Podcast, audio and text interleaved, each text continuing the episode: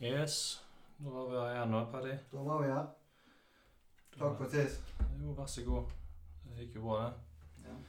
I dag blir det kanskje en litt annen, eh, litt annen eh, episode enn sist.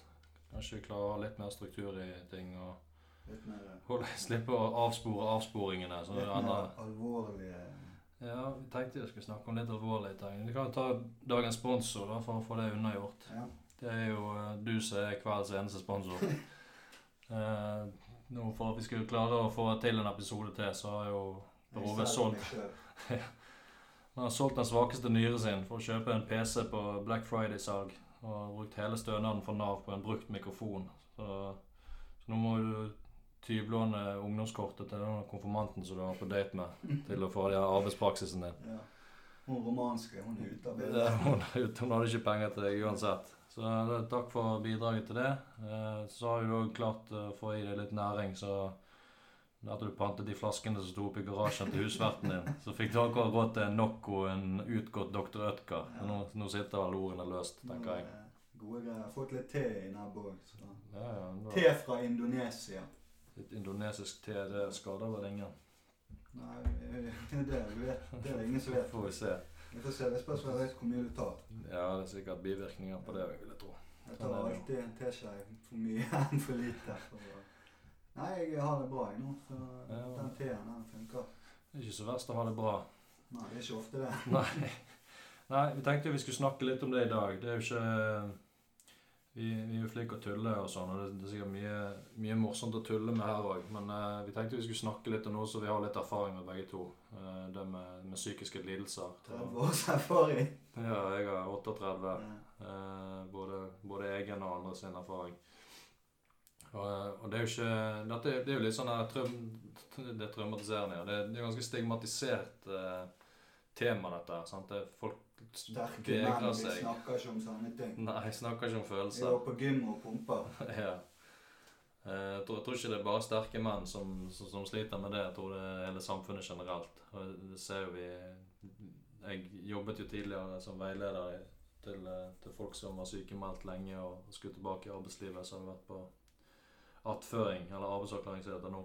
Ja, Ja, det var ekstremt mange som hadde vondt i ryggen. Ja det Eh, har jeg slitt med i måneder. vi, der vi fort skjønte at det egentlig ikke var, var ryggen som var det største problemet. Ja. Gå turer har jeg hørt det anbefalt. Ja. Så så det, det er jo litt sånn vi ser at barn som sliter med følelser, de får ofte vondt i magen, mens voksne de får vondt i ryggen. Så det er vel noe som går. Til slutt så får vi vel alle vondt i hodet. Ja. Lumbago, det har vi hørt mange ganger. Ja, Det er ikke tilfeldig, det, sikkert. Eh, vi, vi, skal, vi skal snakke litt om det med bl.a. angst og depresjon. Og du har jo et helt rulleblad med diagnoser som vi kan gå inn i. Ja, mange. Det, det kan velge å vrake, Ja, vi har jo, vi, vi har jo så vidt snakket før om, eh, om det med med medikamenter og bivirkninger og sånn i en, i en episode vi aldri la ut. Men eh, det kan vi komme tilbake til kanskje neste gang. Ja. For det som jeg tenkte vi skulle prøve å, komme litt inn på i dag, det er jo litt hvordan det faktisk føles å, å ha eh, disse diagnosene. Mm.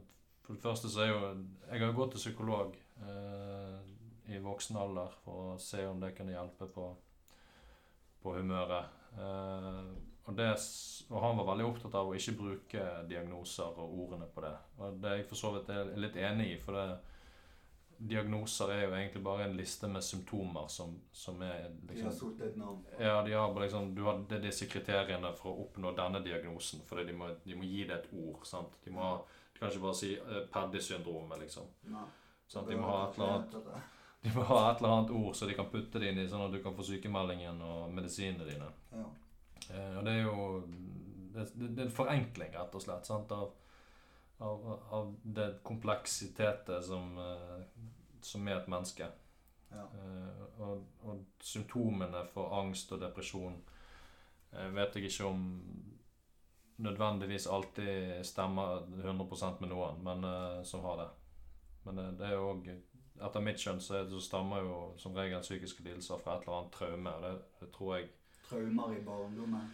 Ja, eller i, i voksen alder. Traumer generelt. sant? Eh, og, og jeg tror Jeg tror at uh, traumer eh, spiller en mye større rolle i, i si, den andre psykologien òg. Du har jo den PTSD eller PTSS, Ja. Posttraumatisk stressyndrom. Det har kattene mine. Det har kattene dine, og det har nok du òg, tror jeg. Ja. Men uh, det, er ikke, det er ikke noen av oss utdannet psykolog. Uh, jeg har for så vidt noen, noen studiepoeng i, i, har i arbeidsorganisasjonspsykologi? Jeg har studert eh, psykologi på, På nært hold. Nei, på, jeg har gått på skole, jeg. Ja. Og fikk eh, F i psykologi. Så det ja, jeg strekte det godt. Så, så det ikke, dette her er ikke ment til å være verken uh, veiledende. veiledende for noen andre enn de som føler de, Hvis noen kjenner seg igjen, så er det bare til å spørre og til å grave sjøl. Men jeg, jeg har jo en følelse av at det, eh, en, av, en av tingene som, som er litt dumt med psykologi, er at folk vegrer seg veldig for å gå inn i seg sjøl. det, det, det er et skritt for mange å gå til en psykolog, tror jeg. Ja, men du trenger jo ikke gå til psykolog for å granske deg sjøl og ditt eget humør. Sant? Men jeg, jeg har jo vært veldig opptatt av andres psykologi hele livet mitt. er veldig, du bryr deg om andre. Ja, jeg gjør jo det. Men jeg har òg på en måte fortrengt mine egne ting fordi at jeg har, jeg har vært flink å se de andre, så jeg tenkte at jeg bare kunne mye om det. Men det er jo en grunn til at jeg kan mye om det. Ja. Uh, og det, det er noe som jeg har begynt å jobbe med de siste årene. Og det, det har hjulpet veldig, for jeg tror det første stedet folk må lete etter sannheten, er jo inni seg sjøl. Ja, men det er ikke alltid like lett. det. Nei, det kan være veldig vondt å begynne å se seg sjøl ordentlig i speilet. innse hvis man har problemer med noe, så er det veldig vanskelig å jobbe med hvis du ikke har lyst til eller er motivert. Eller. Ja, og når du ser på mange av symptomene òg, vil jo føre til at det gjør det vanskeligere for deg å, å Ja. jobbe med det. Sant? For det er en av hovedtingene er å prøve å lage oss et lite kart her og, om, om disse tingene. Og En av de tingene som stikker seg ut her, som jeg tror gjelder veldig mange lidelser, ikke til og med fysiske, er jo det at vi flykter fra, fra realitetene. Mm. Vi vil ikke innse dem fordi at de kanskje er litt ubehagelige, eller, eller de kan være i veien for oss rent sånn praktisk. Det er jo, det er jo sikkert bare en unnskyldning, sant? men at vi bruker en eller annen Nei, det, det passer ikke. Jeg kan ikke gå til psykolog nå. Jeg kan ikke begynne å ta tak i dette nå, for jeg har ikke tid pga. jobben eller pga. ungene eller et eller annet. Det er alltid noe Vi finner oss unnskyldninger sant, som gjør at ikke det passer. Ja, det er jeg god på. Ja, det er, jo, det er jo bare en form for flukt og, og fornektelse. Sant? Men jeg, jeg, jeg prøvde å lage en liste over måter å flykte på. da. Så jeg kan jo kjenne meg igjen i hvert fall halvparten av de sjøl. Og andre som jeg kjenner godt, eh, tror jeg kan kjenne seg igjen i enda flere. Men eh, Hva er den eh, listen? nei, nå har jeg skrevet ned eh, rusmidler som en. Ja. Eh, om, det, om det er alkohol eller narkotika eller nikotin, koffein Det er jo selvfølgelig ulike grader av hvor, hvor mye vi flukter. Og så er det jo som regel i, gjerne i samarbeid med andre typer flukt òg. Eh, mange, mange arbeider seg halvt i hæl som en flukt. Det er kanskje vanskelig å se på det, for det er, det er så produktivt. sant? Og de er så effektive, og de står sånn på. og Det er liksom det er vanskelig å finne noe negativt i det. Men altså, jeg har jobba mye overtid. ja. Eh, spill, enten det er dataspill eller TV-spill, eller det kan være å spille penger, poker, andre Ja. ting. Det er jo en form for flukt det også, fra virkeligheten. Du går, du går inn i et eller annet Nå skal jeg vinne, eller nå skal jeg bare bruke tid. Eh, overspising, enten det er med snop eller det er bare burgere eller hva det er. Kake. Kake, for din del i hvert fall.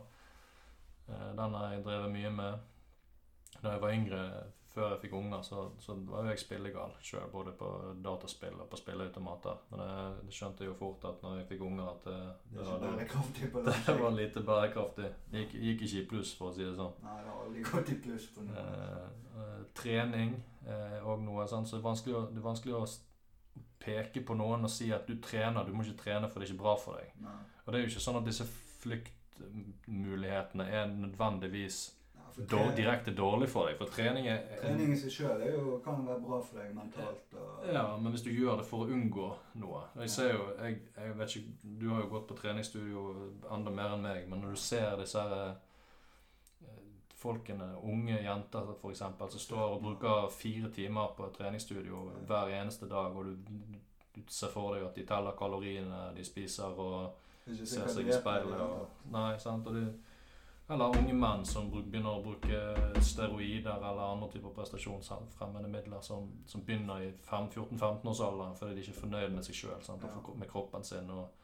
og begynner å, å, å trene som en form for eh, ja, erstatning for dårlig selvbilde, eller bedre det. Og selvfølgelig, du kan ha en balansegang i det, og så det, kan det være bra, men jeg tror at det fort kan gå over i noe dårlig. du blir, hvis du trener mye sånn, du blir aldri fornøyd uansett. Nei, det er fordi det er ikke, det er ikke kroppen din som egentlig er problemet. En, en selvfølelse ligger ikke i bicepsen.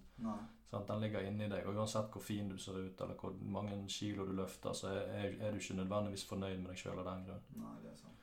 Så jeg skrev ned eh, Vi kan komme tilbake til disse tingene. Jeg tror den listen var jo egentlig gjaldt alle punktene. Ja, vi er ikke bare halvveis. Okay. ok. Eh, sex og onani, om det er sex med andre eller sex med seg sjøl, kan være en flukt. Det, det er ikke sånn at disse tingene her ikke kan gjøres ordentlig, og ikke kan gjøres av friske, og ikke kan gjøres av gode ting. Det, det, dette er helt normale ting, det meste av det. Det går an å bruke rusmidler, men det går an å misbruke dem. Og det går an å arbeide, og det går an å misbruke jobben. Ja. eh, sant, og så videre. Det samme er det jo med sex og onani. Sant? Det er veldig, veldig mye eh, sånn, erstatte noe. Det, det, det er kortvarig lykke. Sant? Du får dopamin av det. Det samme gjør det med trening og spise drit. Andofin Du, og du kan øke andofiner, du kan øke dopamin, du kan øke serotonin til og med. Men det er jo, det er kortvarig. For det, det øyeblikket du den rusen er over fra det, så, så er jo du minst like ulykkelig igjen. Sant? Det er verre, da. ja, spesielt sånn som for min del, i hvert fall med når jeg hiver ned på to store sjokoladeplater en dag jeg hadde en dårlig dag, eller jeg skulle belønne meg sjøl for jeg hadde vært hos legen, eller noe sånt, så, Ja.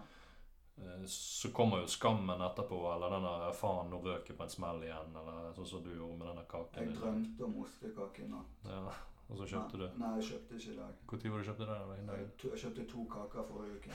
En Oreo-kake og en uh, sånn ostekake med Ja. sånn kjeks i bunnen. Det er jo deilig diabetes, det. Ja. Mamma hadde diabetes, faktisk. Ja. Og morfar òg, så det burde egentlig være Men jeg trener mye, da. Ja, er derfor jeg trener sånn at jeg kan spise kake. Ja, jeg, jeg glemte jo faktisk å si sukker oppe den på de rusmidlene. Det er Ja, nå har jeg vært sukkerfri i tre dager. Ja, kanon. Det er veldig, det er veldig bra jobbet. Nå har du begynt med noe annet istedenfor så er det koffein. Koffein. Noco. Skål for Noco. Miami strawberry limited edition. Det er Det er tredje i dag. Jeg har drukket cola, og så har jeg drukket lime. Og nå er jeg det Rett på hjerteinfarkt, det der greiene der. Eh, fornektelse og fortrenging, det er jo òg måter å virkelig flykte på. Sant? Du, du rett og slett ser ikke sjøl. Altså, forskjeller blir jo at du omtrent bevisst unngår å se det med, med å fornekte det, mens fortrenging er mer at du, du ser ikke problemene i det hele tatt. Og, du, og det er ikke bevisst engang, de er bare ubevisst vekke. Ja. Det, altså, når ditt ubevisste ikke tror at du tåler å se deg sjøl i speilet, da, det jo, da skjønner du at det er gale. sant? Mm. Eh, så, det, så det er liksom de Er tingene jeg listet opp. tåler å se seg selv i speilet? Ja, om, om ikke nødvendigvis sånn bokstavelig å se seg i speilet, så tenker jeg mer sånn å se hvem de egentlig er, eller se hva som har skjedd med dem. Med, Med, Se seg indre? ja, så, så det, det er jo Hvis, hvis, hvis uh, traumene skjer med deg før du er fem år, sånn, cirka pluss minus, så kan du ikke engang huske det. Fordi at du, du husker ikke bildene av det. Det kan være fordi du ikke klarte å prosessere det. For overgrep, overgrep, for eksempel. Ja. Det er helt sykt, da.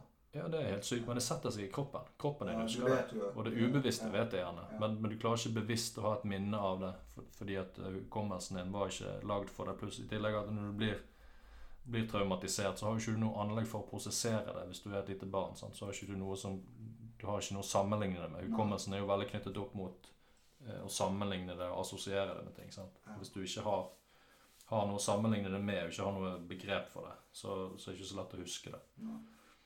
Eh, og da vil jo, vil jo det være vanskelig for deg å vite hvorfor du gjør sånn som du gjør. Og, en- og en annen ting er jo at jeg tror at noe av dette her går i arv, om det er fordi du ser foreldrene dine gjøre det, eller om det er en eller annen måte at noen gener som blir skrudd av eller på. Jeg tror jeg har arva mye som ikke er bra av min far. Ja, det har jeg òg. Ja. det er nok vanlig, og det vi får sikkert både fra far og mor. Ja. Eh, og, jeg, jeg har jo sett, sett en sånn tendens til at eh, de jeg kjenner Så jeg har vært borti mange mennesker i de siste årene som har Som har vært traumatisert. Jeg kan jo si sånn kjapt om det. Da. Blant annet for å, for å ta tak i min egen angst eh, og depresjon som jeg har hatt til tider, så så reiste jeg på en sånn ayahuasca-seremoni eh, for å komme liksom til bunns i det. Jeg har lest masse om eh, hvordan det skal Det er jo noen to sånne planter fra Er det DNT? Amazonas. Ja, det er jo virkestoff i det, har i den ene. Jeg har prøvd DNT. Ja. Du har prøvd det meste. Ja. Så, men det, det er flere måter å gjøre det på. Sant? Du kan bruke DMT og ayahuasca ikke og så- andre ting til å Jeg, jeg hadde ikke tenkt meg så lenge om før jeg tok det. Det var sånn Vil du ha DMT? Ja, jeg vil ta DMT. Ja, virket det. Ja, jeg kom ikke sånn helt igjennom. Hva heter det? Sånn her uh, breakthrough. Ja. Engelske min er jo der. ja, men da tenker jeg nå Det er det som jeg Når jeg, når jeg har lest om det, så, så leser jeg at Altså, du, det blir litt sånn som med, med andre sånne psykedeliske stoffer, og, og, og med eh, Hva skal jeg si Med, med, med andre, alle typer flukt, så, så kan det være gode ting. Du kan ha en god intensjon med, med Sånn som for min del, hvis du, hvis du reiser og tar ayahuasca for å finne ut hvorfor du har angst, Ja. så finner du fort ut hvorfor du har angst. Men hvis du tar DMT for å bare flykte vekk fra virkeligheten din en liten stund, Ja, så tror ikke du finner ut så jækla mye. så. Eh, Nei, ayahuasca er jo varer vel eh, Noen ja, timer. Men når jeg tok DMT, så eh, røykte vi det. ja. Jeg tror det varte bare sånn her ti minutter. eller- ja, jeg har lest, lest om det. Det en det litt var mer som sto foran meg som bare ble til en sånn her geometrisk figur. ja. Og så eh, kom det masse gass på eh, gulvet og sånn, så jeg frika jo helt ut. Ja. Men det var gøy, selvfølgelig. ja, men da gjorde du det for Ja, jeg gøy. gjorde det ikke for de rette grunnene. Og og da tror ikke det hjelper så veldig mye. Det vil jo fortsatt ha en viss fysiologisk effekt på hjernen din, men jeg tror ikke du kommer, kommer til bunns hvis Nei, du gjorde det av den det. grunn. sant? Nei. Og jeg ser jo nå, de, Det fins jo eh, en organisasjon i USA og Canada som har jobbet i mange år for å få legalisert eh, bl.a. MDMA og, eh, og sånn eh, sopp, da. Eller psilocybin. men Sopp. Eh, MAPS heter det. Jeg vet ikke hva det står for lenger. Men eh, det er ikke så viktig. Men de jobber jo for å få legalisert dette til behandlingsøyemed. For det. Men ikke noe sånn i Norge òg? En sånn her I hvert fall med MDMA og sånn. Så det en sånn organisasjon MA? Nei, MA-organisasjon. Um, ja, det kan stemme. De jobber for litt det samme. Det er jo for, for legalisering av psykedelika. Men, men og om det Det kan brukes til behandling, men da må, det jo, må jo det være grunnen til at du bruker det. sant? Det, jeg kjenner mange som tar Mm. MDMA, men de har like mye angst for det. Ja, det I USA så bruker de det på eh, soldater og sånn. Veteraner og Ja. Så det, det er jo en måte å komme til bunns i ting på. Eh, og det, for min del så handlet ikke det om å, å ta narkotika. Det handlet om å, å drikke noe som var basert på en plante som, som er kjent for å virkelig ta deg inn til å møte deg sjøl i døren. da. akkurat teen min. Det var ikke helt den samme effekten, men eh, det, det fins mye rart i, rundt omkring i, i naturen som, som har effekt på, på ting som har blitt brukt i, i tusenvis av år. Mange tusenvis av år. Ja. Det er helt sykt at eh, de har gjort ting ulovlig. Ja, det, ja, samtidig så har Det er jo ikke sånn at alle Altså Nå mener jeg ikke alt, men sånn bare til cannabis f.eks. At det er ulovlig, det har jeg, skjønner jeg ingenting av. Nei, men det er jo òg litt Igjen, sant. Hvis folk bruker det av feil grunn, så får det gjerne feil effekt, og så ødelegger det litt for de positive effektene noe sånt kan ha. Ja.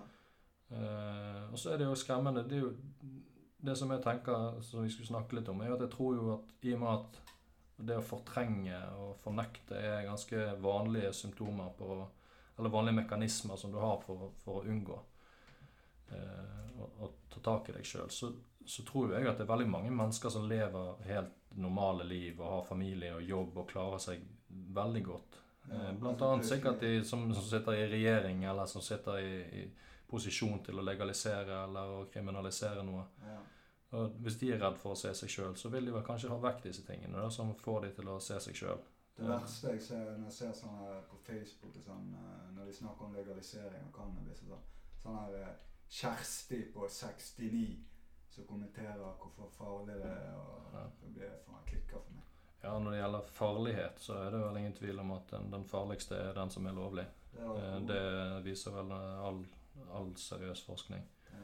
Men det betyr jo ikke at ikke disse andre tingene kan være farlige for det. Nei. Eh, Både i gale, i gale hender og i gale hoder. sant? Ja. Men jeg tror eneste måten du kan dø av cannabis, cannabis på, er hvis du eter 20 pakker med ostepop på 500 Ja, men det er jo folk, dør av Ja, men det er jo folk- overvekt. Ja, det er jo det jeg, eh, jeg har hørt om folk som har fått diabetes av det de har hevet i seg fordi de har røykt hasj jevnlig. Ja. Og, og, da, og det er ikke sånn at jeg betviler på det og tror at det er noe sånn fake news for å skremme oss. Jeg tror at det er fullt mulig, men vi må ikke Men overgjetting i seg sjøl er jo et problem, så Ja, men det er jo igjen Du kommer tilbake til det med flukten. Hvis du, hvis du har, føler et behov for å røyke hasj hver eneste dag, ja, så har du det mest sannsynlig ikke så bra. Nei. Sant? Og det, så det, det er jo samme hva du gjør. Og hvis du i tillegg har overspising som, som en greie, så, så er jo det en litt dårlig kombinasjon, kanskje. Ja, det er en eh, dårlig, ja. Eh, og, og det er litt det som vi, vi kommer tilbake til her. For det, jeg tror ikke folk helt, helt skjønner eh, hvor vanskelig det kan være. Jeg, jeg har hørt folk si at «Øh, 'jeg er så deppet i dag', 'jeg er deppet i dag'. Omtrent fordi at det, de ikke nådde bussen, så er de deppet. sant? Men, men når du har vært i en ordentlig depresjon Jeg har hatt depresjoner som får koronaen til å se ut som en sydenferie. Ja, Men kanskje du, kanskje du prøver å fortelle litt om hvordan hvor, hvor svart det Jeg har hatt noen episoder sjøl, men hvis, hvis du prøver å beskrive hvor, hvor svart det egentlig ser ut når du er nede i depresjonshullet Ja, nei, det blir jo til at jeg blir nest, Jeg føler jeg føler, jeg, blir, Jeg føler at jeg er helt følelsesløs mm. og bryr meg ikke om noe. ja, blir apatisk. Og, ja, ja, og sover faen meg eh, hele dagen. Mm. Jeg har søvn til middag nærmest. Fordi at eh, ja, det, Jeg vet ikke, det er vanskelig å forklare det. Ja. Og så får jeg dårlig samvittighet overfor uh, alle andre og, og sånne ting. Ja. Det er bare i forhold til jobb og venner. Og, og så spør de hvordan det går, og hvor har du vært, og sånn. Og, og så er det ikke alltid like enkelt. Ja, du bare tørker vekk, liksom. Ja. Så du bare ja, ligger i din egen drit, nesten. Et, ingen matlyst eller noe. Sant? Bare ja, Ja. helt mørkt. Gidder faen ikke på lyset engang i leiligheten. Jeg hadde jeg hadde kanskje, Jeg har hatt kanskje to eller tre sånne ordentlige, skikkelige episoder da med Ja, noen uker, kanskje fem-seks uker eller et par måneder med, med det som da da ble kalt for en depressiv episode. Ja. Um, Jeg hadde en episode der som har vart faen meg i flere måneder. Ja, jeg har, jeg har sett andre som har, har lenge. Men da, for meg var det sånn at jeg, jeg gadd ikke åpne regningen engang. Det, jeg åpnet ikke posten. Det var så vidt jeg gadd. Jeg hentet den gjerne en gang i uken for at postkassen var full. Sant? Og, og, og det, blir, det er som du sier, sånn, Det, går, det går via depresjon til apati. så Og så går Det er utover alt annet, bare sånn som ikke åpne regninger. Og, og så bare forgreiner det seg. så blir Det blir ikke noe bedre av at du får inkassobeskjeder i hytt eller akkurat. Så sånn at livet blir bedre av det. Da er det greit å ikke ha jobb, for da kan ikke de trekke det fra arbeidsgiver. Men du har hatt, du har hatt depresjon som en del av det som Du har, fått, du har den diagnosen som heter bipolar. sant? Ja. Uh, og da er depresjon da den ene halvdelen av det. Og så er det sånn uh, er det mani, da, manisk ja. det andre. sant? Uh, du kan jo du kan fortelle litt om hvordan det er å være manisk, hvis du, hvis du husker det. da. Ja, nei, det blir jo Du føler jo deg plutselig uovervinnelig, da. Mm. Føler deg som en konge og har jævlig høy selvtillit. og tar mange dårlige valg, impulsive valg. Som plutselig bare er du med til Amsterdam på to dagers varsel og bruker 10 000 kroner på narkotika og alt som er og Fra kredittkort, så det jeg altså kredittkort som jeg ikke har, nærmest. Og så er det ja, bare sånn generelt eh, tenker høyt om deg sjøl og begynner å drite i konsekvenser og ja, kjøre bil når du ikke burde kjøre bil, for å si det sånn. Og, Mm. ja, jeg har holdt på å krasje med bil. Jeg var borte med bil en gang. Mm. Og så husker jeg ikke at jeg har gjort det, men det var jo tatt mye forskjellige greier. Ja. Jeg har blackout i faen meg nesten en uke. og Ja, da- kan bli jævlig sånn frekk mot folk og ja. Ja, det som jeg ser, sånn som de som jeg kjenner jo andre enn deg òg som er bipolare, jeg ser jo òg at den Du, tror, du den- kan tro at du kan få til ting òg, som ikke er realistisk å gjøre. og sånn.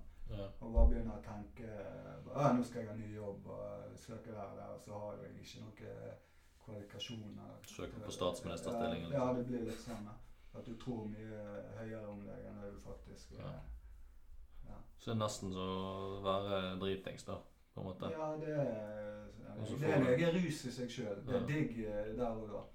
Men eh, Ja. Nei, det er jo folk som har mye verre enn meg. Jeg hørte eh, hun eh, psykiateren min sa at hun hadde hatt en som hadde vært inne og bestilt 25 Teslaer.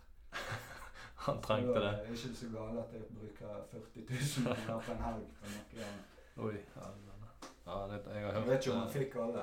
Nei, jeg har hørt mye, mye historier fra, fra maniske episoder. Jeg ser jo også at ofte kan jo depresjon være en konsekvens, sant? Ja. for nedturen kommer jo etterpå. Det er ofte Og når du skjønner all idiotien du har gjort. sant? Denne episoden utløser ofte den andre. Ja. Og så er det sånn, gjerne hvis jeg jeg har jo de her eh, medisinene som du leste på her en gang. Mm. Og de, det er sånn hvis jeg plutselig begynner å drite i å ta de og alt mulig. ja. Og så, for det tar ganske lang tid ifølge de, og i hvert fall kan ta flere måneder før det begynner å fungere, de medisinene sånn som vi skal. Har du, så du denne Homeland? Ja, serien? ja. Syns, hvordan syns du Jeg hun syns hun er fremstilt uh, ganske voldsomt. Ja. Men det er jo, det er jo meningen. ja, altså, men hun lever jo litt Hun har jo Ja, litt altså- voldsomt yrke, da, sant? så det er jo Ja, kanskje litt det, blir, du blir veldig sånn oppslukt i ting. Jeg Ja. blir, eh, kan bli besatt av ting nesten. Ja. Uansett om det plutselig spiller et spill, så Mm. blir jeg, da spiller jeg det spiller jeg i to uker. Ja, omtrent uten å sove. Ja, sånne ting. Og ja, søvn òg er jo en faktor, så det er viktig med gode rutiner, men det er jo jeg jævla dårlig på. Ja. Søvnmangel, kan sove kunne sove sånn tre timer jeg, og så gå på jobb. Og så gjorde jeg det i flere uker. Det ble helt fucka i hodet av det òg. Ja. Jeg, leste faktisk en, eh, en interessant eh, studie fra Italia. Den er ganske ny. Eh, i, hvert fall, I hvert fall under ti år gammel, kanskje under fem. At de hadde hatt en studie på, på bipolare. Ja. der de så at det, det som egentlig så var den, denne faktoren som gikk igjen på alle, det var eh, søvnmangel. Ja. Hvis de kom ut av søvnrutinene, Ja. så utløste det mani ofte. det, veldig det er ofte. det viktigste. Søvn. er. Ja. Kosthold og søvn og trening og sånne ting. Mm. Sånne ting som du egentlig hvis du hadde gått til legen med noe vanlig Mm. og fått, bare fått uh, piller for et eller annet og sånn, istedenfor Leger sier aldri sånne ting til deg. Ja. Sånn her, Går du turer, sover du nok, eter du riktig og sånn. ja. Det er liksom veldig Det- Det, er ikke så Sender deg hals på apoteket først. Ja, de gjør det. Det er ganske sykt, altså. Men det er jo sånn de tjener penger. Ja, det er jo litt eh, interessant å lese om eh, sammenhengen der mellom både medisinutdannelsen og yrket og, og apotekene og de Ja. selskapene som lager medisinene. Eh, tror ikke det er sånn i alle land, men der de kommer fra, da, det er jo primært USA, så har det helt gedigen. Jeg vet ikke, det er jo Ja, halve på- På bruttonasjonalproduktet. er jo- TV at eh, ja, 'Kom her, her, her, her kan du få det og det og det'. Ja, ja, det, Og så er det sånn, her kommer de inn og så bare 'Hæ? Ja, har, du, har du en far som sliter med så Ja, da må han komme her òg. Så få det. Det Alle. sånn. Alle må få amfetamin over disk der borte for å For at til, alle har liksom ADHD. Og så er det veldig mange som er bipolare som sliter med rusmisbruk. Mm. Det er jo en av de store Ja, da har du gjerne det med dårlige valg, sant. Og du har, du har opp- og det nedturer. Rusbruken blir liksom selvmedisinering. da. ja. Istedenfor sånn som jeg før, så øh, røykte jeg ganske mye weed. Mm. Jævla mye. Nesten hver dag, liksom. ja. Det, det er ikke bra i det hele tatt. Det er ikke bærekraftig på lang sikt. Jeg tror ikke Det det. her, jeg vet det ikke er bærekraftig. Men For nå er det øh, Noco. Nå er Nocco. Det er jo litt annen effekt, kanskje. Ja, litt mer energi. Motsatte. Ja. ja, ja, men det, jo det blir jo fort en, en dårlig greie hvis du, hvis du trenger å holde søvnrutinene dine og du Ja. hiver i deg 180 milligram koffein tre ganger på dagen. da. Ja, det er, Det er jo kanskje ikke- kaffe? Ti? Eh, Ja, ikke det rundt 40 milligram i én, Ja. så da er det fire og en halv i en sånn som det der. ja. Så du har 12-13-14 kopper. Du Ja. klarer deg, da. Ja, jeg har jo folk på jobben som drikker en liter kaffe hver dag òg, men det, Ja. det tror Det har noe med Altså, når du får i deg koffein fra kaffebønner, så har jo kaffebønner en del andre egenskaper enn- som ikke er med i den syntetiske koffeinen som er med i, i, i Nocco og sånne energidrikker. da, Så det kan hende at de veier opp. Men det er vitamin D og vitamin B6 og vitamin B12 i denne her. Ja, Hvis det kan, hvis men det det, kan selge det er jo ikke primært derfor du tar den, regner jeg med. Altså det er null sukker, så den er egentlig jævlig sunn. Jævlig sunn. Masse vitaminer og null sukker. Det er jo rene grønnkål, det der. Ja, ja. Nei, for det grunnen til at jeg vi kom inn på det, er jo for å se litt grann på det med, med bipolar òg.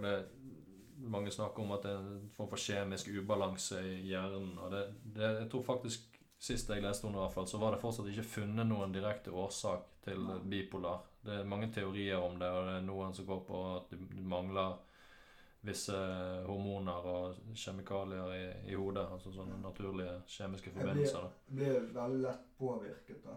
Sånn følelsesmessig, og selv om jeg kanskje ikke viser det. Ja. Så er det liksom, hvis det er bare en liten filleting eller noe, så tar jeg det I mitt hode så blir, er det mye verre enn det det er. Mm. Og sånne ting. Det er sykt irriterende, egentlig. Men Ja. det er liksom, jeg vet jo om det, men eh, Jeg, jeg har jo min egen teori om dette, her, og må jo si at eh, selv om jeg ikke har uh, noe klinisk psykologiutdannelse, så, så har jeg levd med, med en del ting rundt meg i, i hele livet, og både for meg sjøl og andre. Jeg har levd tett på mennesker som har slitt med, med en del ting, og jeg har ut ifra det Jeg har lest mye om dette underveis, så jeg, jeg tar jo ikke det bare ut av ræva. Nei, du er flink til å sette deg inn i ting. Så, så, så min teori i hvert fall er at alle disse psykiske lidelsene jeg, ja, Vi glemte jo for så vidt å snakke om ADHD. Du har vel det òg, har ikke det? Jo, jeg har vel sikkert det. Jeg har ikke det. Fått Har ikke, du har ikke fått den diagnosen? Nei. Jeg har denne hin. Ja, for når du får bipolar, så trenger du ikke ADHD, for der er jo veldig mye likheter. Ja. Men min teori i hvert fall er jo at eh, de stammer fra traumer alt sammen. Eh, og da, da tror jeg at det er veldig mange som Når vi snakker om traumer, og det trodde jeg sjøl òg før, at eh, ordet traume det er omtrent ensbetydende med overfall eller voldtekt. Ja, det, det At det liksom er overgrep. Sant? At det liksom må, være så utrolig voldsomt for at det skal være traume. At du skal få sant? Vi har jo denne PTSD eller PTSS. Er det en, sånn som jeg gjorde standup i forrige uke, og det gikk til helvete, for jeg var helt Det følelsesløs. Det er sikkert traumatiserende. Ja, det er sikkert Jeg traumatiserende nok. vurdert å legge opp her, men nå er jeg faen meg på igjen. Ja, tre nokko, så er du oppe igjen. Ja, Det er jo, det er jo, det der er jo sikkert det samme som halv kilo kokain. Det der greiene der. Det er mye det samme. Kunstig selvtillit. Ja. Når du bare holde det gående. Eh, nei, for det eh, At det med traumer fra barndommen kan jo være bl.a. at foreldrene dine skiller deg. Du kan, du kan bli traumatisert av at du sjøl skiller deg som voksen. Du kan være traumatisert fordi at du har et barn som var inne og måtte operere for en eller annen ting, og så ble du veldig redd. Sant? Mm. Så traume er egentlig når, når noe skjer med deg som du sliter litt med å prosessere følelsesmessig. Sant? Du, du har ikke Hvis det er overgrep og du er barn, så har du kanskje ikke bildene klare. Du har ikke du har ikke noe å assosiere med. ja, det, skjer jo noe med deg sant? så du ikke klarer å forstå. Og hvis du i tillegg ikke husker det, så er det vanskelig å, å gjøre noe med det. Ja. Eh, men det kan også skje andre ting med deg. Sant? Du, du kan godt hende kjæresten din slo opp med deg på et uh, veldig ømt tidspunkt, og du var allerede litt sårbar fordi foreldrene dine var skilt, eller noe sånt, så blir du retraumatisert. sant? Mm. Uh, og jeg tror ikke alle er klar over at vi går rundt sikkert og blir litt grann traumatisert alle sammen i ganske mange ganger i løpet av livet. Mm. Uh, og når du ser på det som skjer når du blir traumatisert, så det er jo det er noe som heter amygdala inni Det er på en måte midterste, eller kjernen i hjernen. da. Ja. Du også har vært med oss helt ifra vi var andre dyr, holdt jeg på å si. Det, det nå, nå snakker jeg om, om ren faktiske ting. Og så skal vi komme tilbake til teorien min etterpå. Men, Ja. men den blir aktivert i hvert fall når, eh, når det skjer noe. Og da er det noe, du får noe som heter fight, flight or freeze. Det er liksom de tre reaksjonene vi har på en eller annen type livstruende hendelse. Nå trenger ikke traume å være livstruende i seg sjøl, men det kan aktivere den eh, amygdalaen i, i større eller mindre grad. Eh, og du går inn i en eller annen modus der du, den blir aktivert. Og det er forsvarsmekanismen din. Enten så stikker du, eller så slåss du, eller så spiller du død. Sant? Vi får ta det eksempelet fra naturen. Da, hvis det kom en bjørn eller løve og angrep deg. Dette har vi hatt med oss fra vi var aper, holdt jeg på å si. Ja. Eh, og dyr har det òg. Men hva hvis vi ikke er aper? Hva hvis vi egentlig stammer fra aliens? Eh, de har sikkert det, de òg. De blir sikkert traumatisert når andre aliens kommer og gjør forsøk på dem og prober dem analt og sånn. Ja. Eh, så, så hvis du ser på symptomene her da, i, i de ulike tingene, så kan du jo si det at eh, i en flight-situasjon Vi snakket jo mye om flukt i sted. Så i en flight-situasjon så, så vil du Så vil du unngå, sant. Mm. Og du, du møter bjørn, og du løper så fort du kan beina dine kan bære deg av gårde derfra. Mm. Hvis du møter problemer i virkeligheten, hvis du møter eh, ja, sant? Og der har du de tingene vi snakket om i sted. Sant? Eh, Jeg har noen av disse sjøl. Jeg har hatt flere av de sjøl. Og eh, istedenfor liksom å, å face problemet, så stikker du av på en eller annen måte. Om, om det er figurativt, eller om det er faktisk sånn at du løper av gårde. Eh, Det er jo, kan, hvis du f.eks. er redd for nærhet Ja. eh, og kjærlighet fordi du ikke har fått det i barndommen, det kan jo være traumatiserende for et barn som bare skal bli elsket og passet på, og så får du ikke det i det hele tatt. Så vokser du opp, og så ikke du, du vet ikke du hvordan det faktisk føles. Og med en gang noen prøver å gi deg kjærlighet, så stikker du. Ja. Med en gang noen prøver å bli seriøs i et forhold med deg, så Mm. stikker du. Da er det en flukt igjen. sant? Og så Da går du heller tilbake til rusmidler eller trening eller overspising. Ja, er det du vet funker der og da. Ja. Uh, og det er det du kjenner, så det føles på en måte tryggere. Så du flykter, sant. Uh, og, og så freeze, da, som er egentlig å spille død. I, I dagliglivet så ville det vært mer den type depresjon og apatien. Det at du ikke gjør en drit. Ja. Du gjør ingenting med det. Ikke facer du problemet, og ikke flykter du fra det heller. Du gjør bare faktisk ingenting. Eh, så har jo du der de, alle symptomene på de type aktiveringene der fra, fra amygdala. Så vil du egentlig kunne si at eh, bipolar er nesten en slags kombinasjon av de. At du enten flykter eller fryser. Ja. Når du fryser, så går du inn i depresjon og apati, mens hvis du flykter, så er du mer på manien og gjør alle de andre tingene hele tiden. Mm. Eh, mens sånn som ADHD også har en del av de tingene. Det er nesten mer en slags kombinasjon av fight eller flight. Du har ulike versjoner av det. Hvis du begynner å se på symptomene på, på ADHD med, med hyperaktivitet og uro og eh, kognitive vansker i forhold til læring og hukommelse og blir lett irritert, du bruker vold Det er jo faktisk på bipolar. At du, når du er manisk, så er det For, for jeg har, har lagd et lite kart her, da, der jeg har fight øverst, flight nederst og freeze ute til venstre.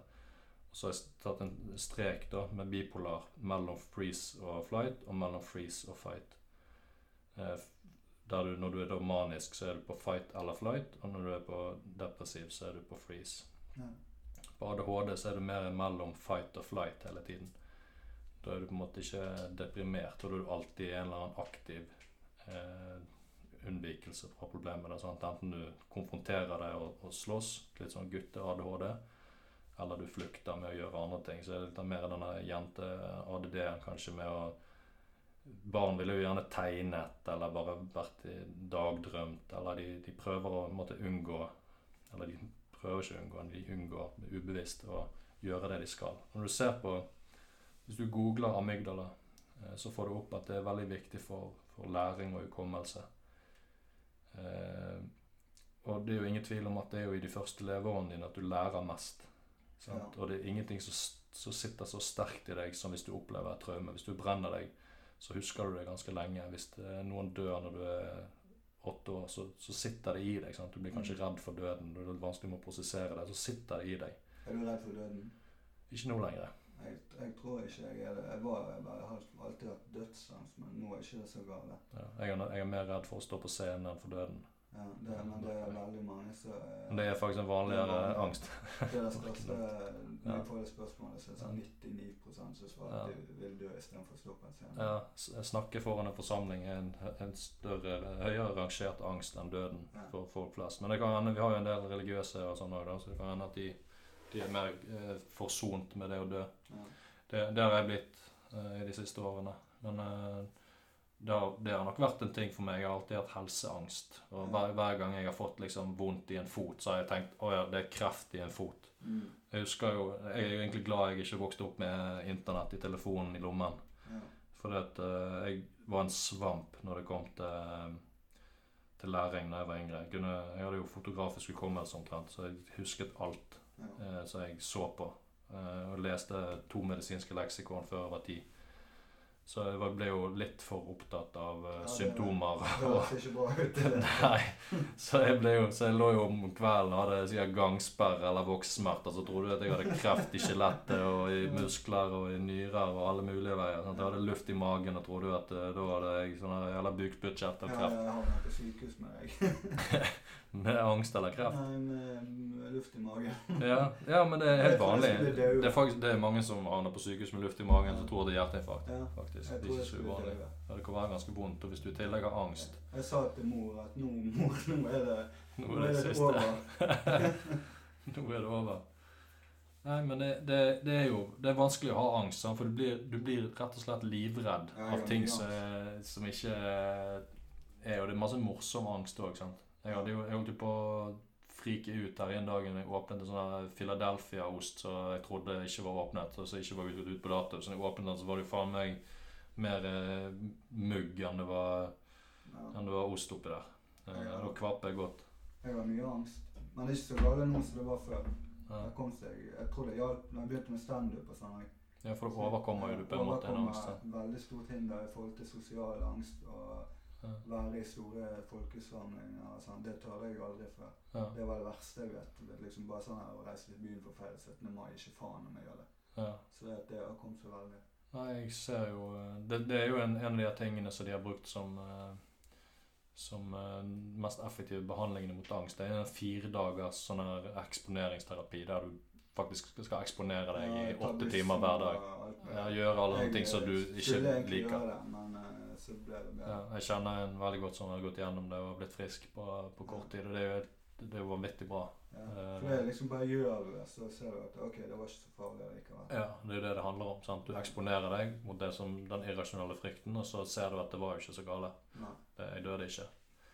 Eh, Men jeg har jo sittet og fått, eh, fått hjertebank eh, noen ganger og var helt sikker på at det var min siste time. Jeg, og, og da har ikke det vært luft i magen engang. Det har bare fått, rett og fått litt Jeg hjertebank har som startet angstanfallet. Stått opp etter kjøleskapet flere ganger og holdt meg på nå er faen meg slutt på moroa. Ja. Men du har jo selvfølgelig røykt òg. ja, det hjelper jo ikke. Men jeg har liksom alltid, selv om jeg sliter med angst, så har jeg røykt for det. Ja. Og så det var første gang jeg fikk eh, skikkelig panikkanfall. Det var den ene gangen jeg røykte. Og da trodde jeg, jeg var sikker på at jeg skulle dø, men jeg tør ikke si det til noen. Jeg, tenkte bare, jeg, jeg klandra meg til sofaen. Jeg tenkte bare, ja, ja, det får gå som det går. Også, men jeg overlevde, da. Ja. selvfølgelig overlevde du. Fortell eh, denne historien om uh... Ja, jeg har jo, en, jeg har jo mange historier. Jeg kan ta igjen. ja. Uh, nei, jeg hadde jo vært uh, ute og røykt jævlig mye weed. For jeg bodde jo i en blokk, sant. Så jeg kunne ikke røyke inne eller på uh, terrassen eller noe, for jeg var redd for at naboene skulle eh, kjenne lukten. Så jeg røykte jo sikkert to Johnnier. Og så gikk jeg inn igjen, og så hadde jeg latt døren stå åpen, sånn at jeg ikke skulle fikle med nøklene i tilfelle jeg skulle møte på noen naboer. Og så gikk jeg inn da, og, i leiligheten, og der satt det faen meg en gammel mann sånn 80 år, i mine klær. Og Jeg hadde vært vekke i ti minutter, liksom. Og da har han gått inn i leiligheten min. Og jeg var så jævlig stein som jeg aldri har vært der. Så spurte jeg hvem han var og sånn. Og han kunne ikke svare på noe. Så han sa bare at han bodde der. Han sa at han bodde i leiligheten min. Og jeg friket så jævlig ut. Så tenkte jeg bare faen heller, nå har jeg røykt så mye at jeg havna i psykose, liksom. Og så eh, spurte jeg hva han het og alt mulig. Han bare jeg kunne ikke svare på noe. Til slutt så måtte jeg bare spørre om han het Per Ove, sånn at jeg, sånn at jeg eh, skulle ja, bare sjekke opp i det, liksom, for jeg var så jævlig høy. Og så hadde jo jeg jævlig mye weed og sånn i leiligheten, og sånn, så jeg Ja. tenkte faen, jeg kan ikke ringe politiet eller noe her nå. Det lukter jo eh, Kommer de her nå, så blir burer de meg sikkert inne. Så jeg, eh, jeg fant ut at jeg bare måtte eh, rett og slett bare dra han ut av leiligheten. Og så bodde jeg i syvende etasje. Ja. Så planen var å sende han med heis ned i første etasje. For der kommer det folk, Det var en svær blokk. sant? 90 Ja. leiligheter. Så det kommer jo folk ut og inn. Så jeg har vært tiende minutt, liksom. Det er så mange som bor der. Ja. Så planen var bare å la han ligge i heisen. og, og så dro jeg han ut der. sant? Og så kom det jo Jeg hadde akkurat flytta inn i leiligheten. Jeg har bodd i to måneder. Jeg har jo sosial angst og alt mulig, så jeg har ikke tør å hilse på noen naboer eller noe. Og så uh, idet jeg dro han inn i heisen, så kom det to naboer fra så jeg ikke visste hvem var. sant? De hadde aldri hilst på meg engang. Og de så jo dette. og bare Hva faen som foregår her? Og så eh, sa jo han der mannen 'Jeg bor her, jeg bor her'. Og så de bare 'Hvem er du?' Og så jeg bare 'Nei, det er jeg som bor her'. Og så de bare 'Ja, vi har ikke sett deg før', og alt mulig. Jeg bare 'Jeg har akkurat flytta inn', og alt mulig. Og jeg begynte jo faen å bli usikker på om det var Per Ove Helle sjøl, vet du. Ja. Og så eh, kom jo det bord, eh, styreformann i borettslaget og alt mulig. Jeg var så jævlig stein.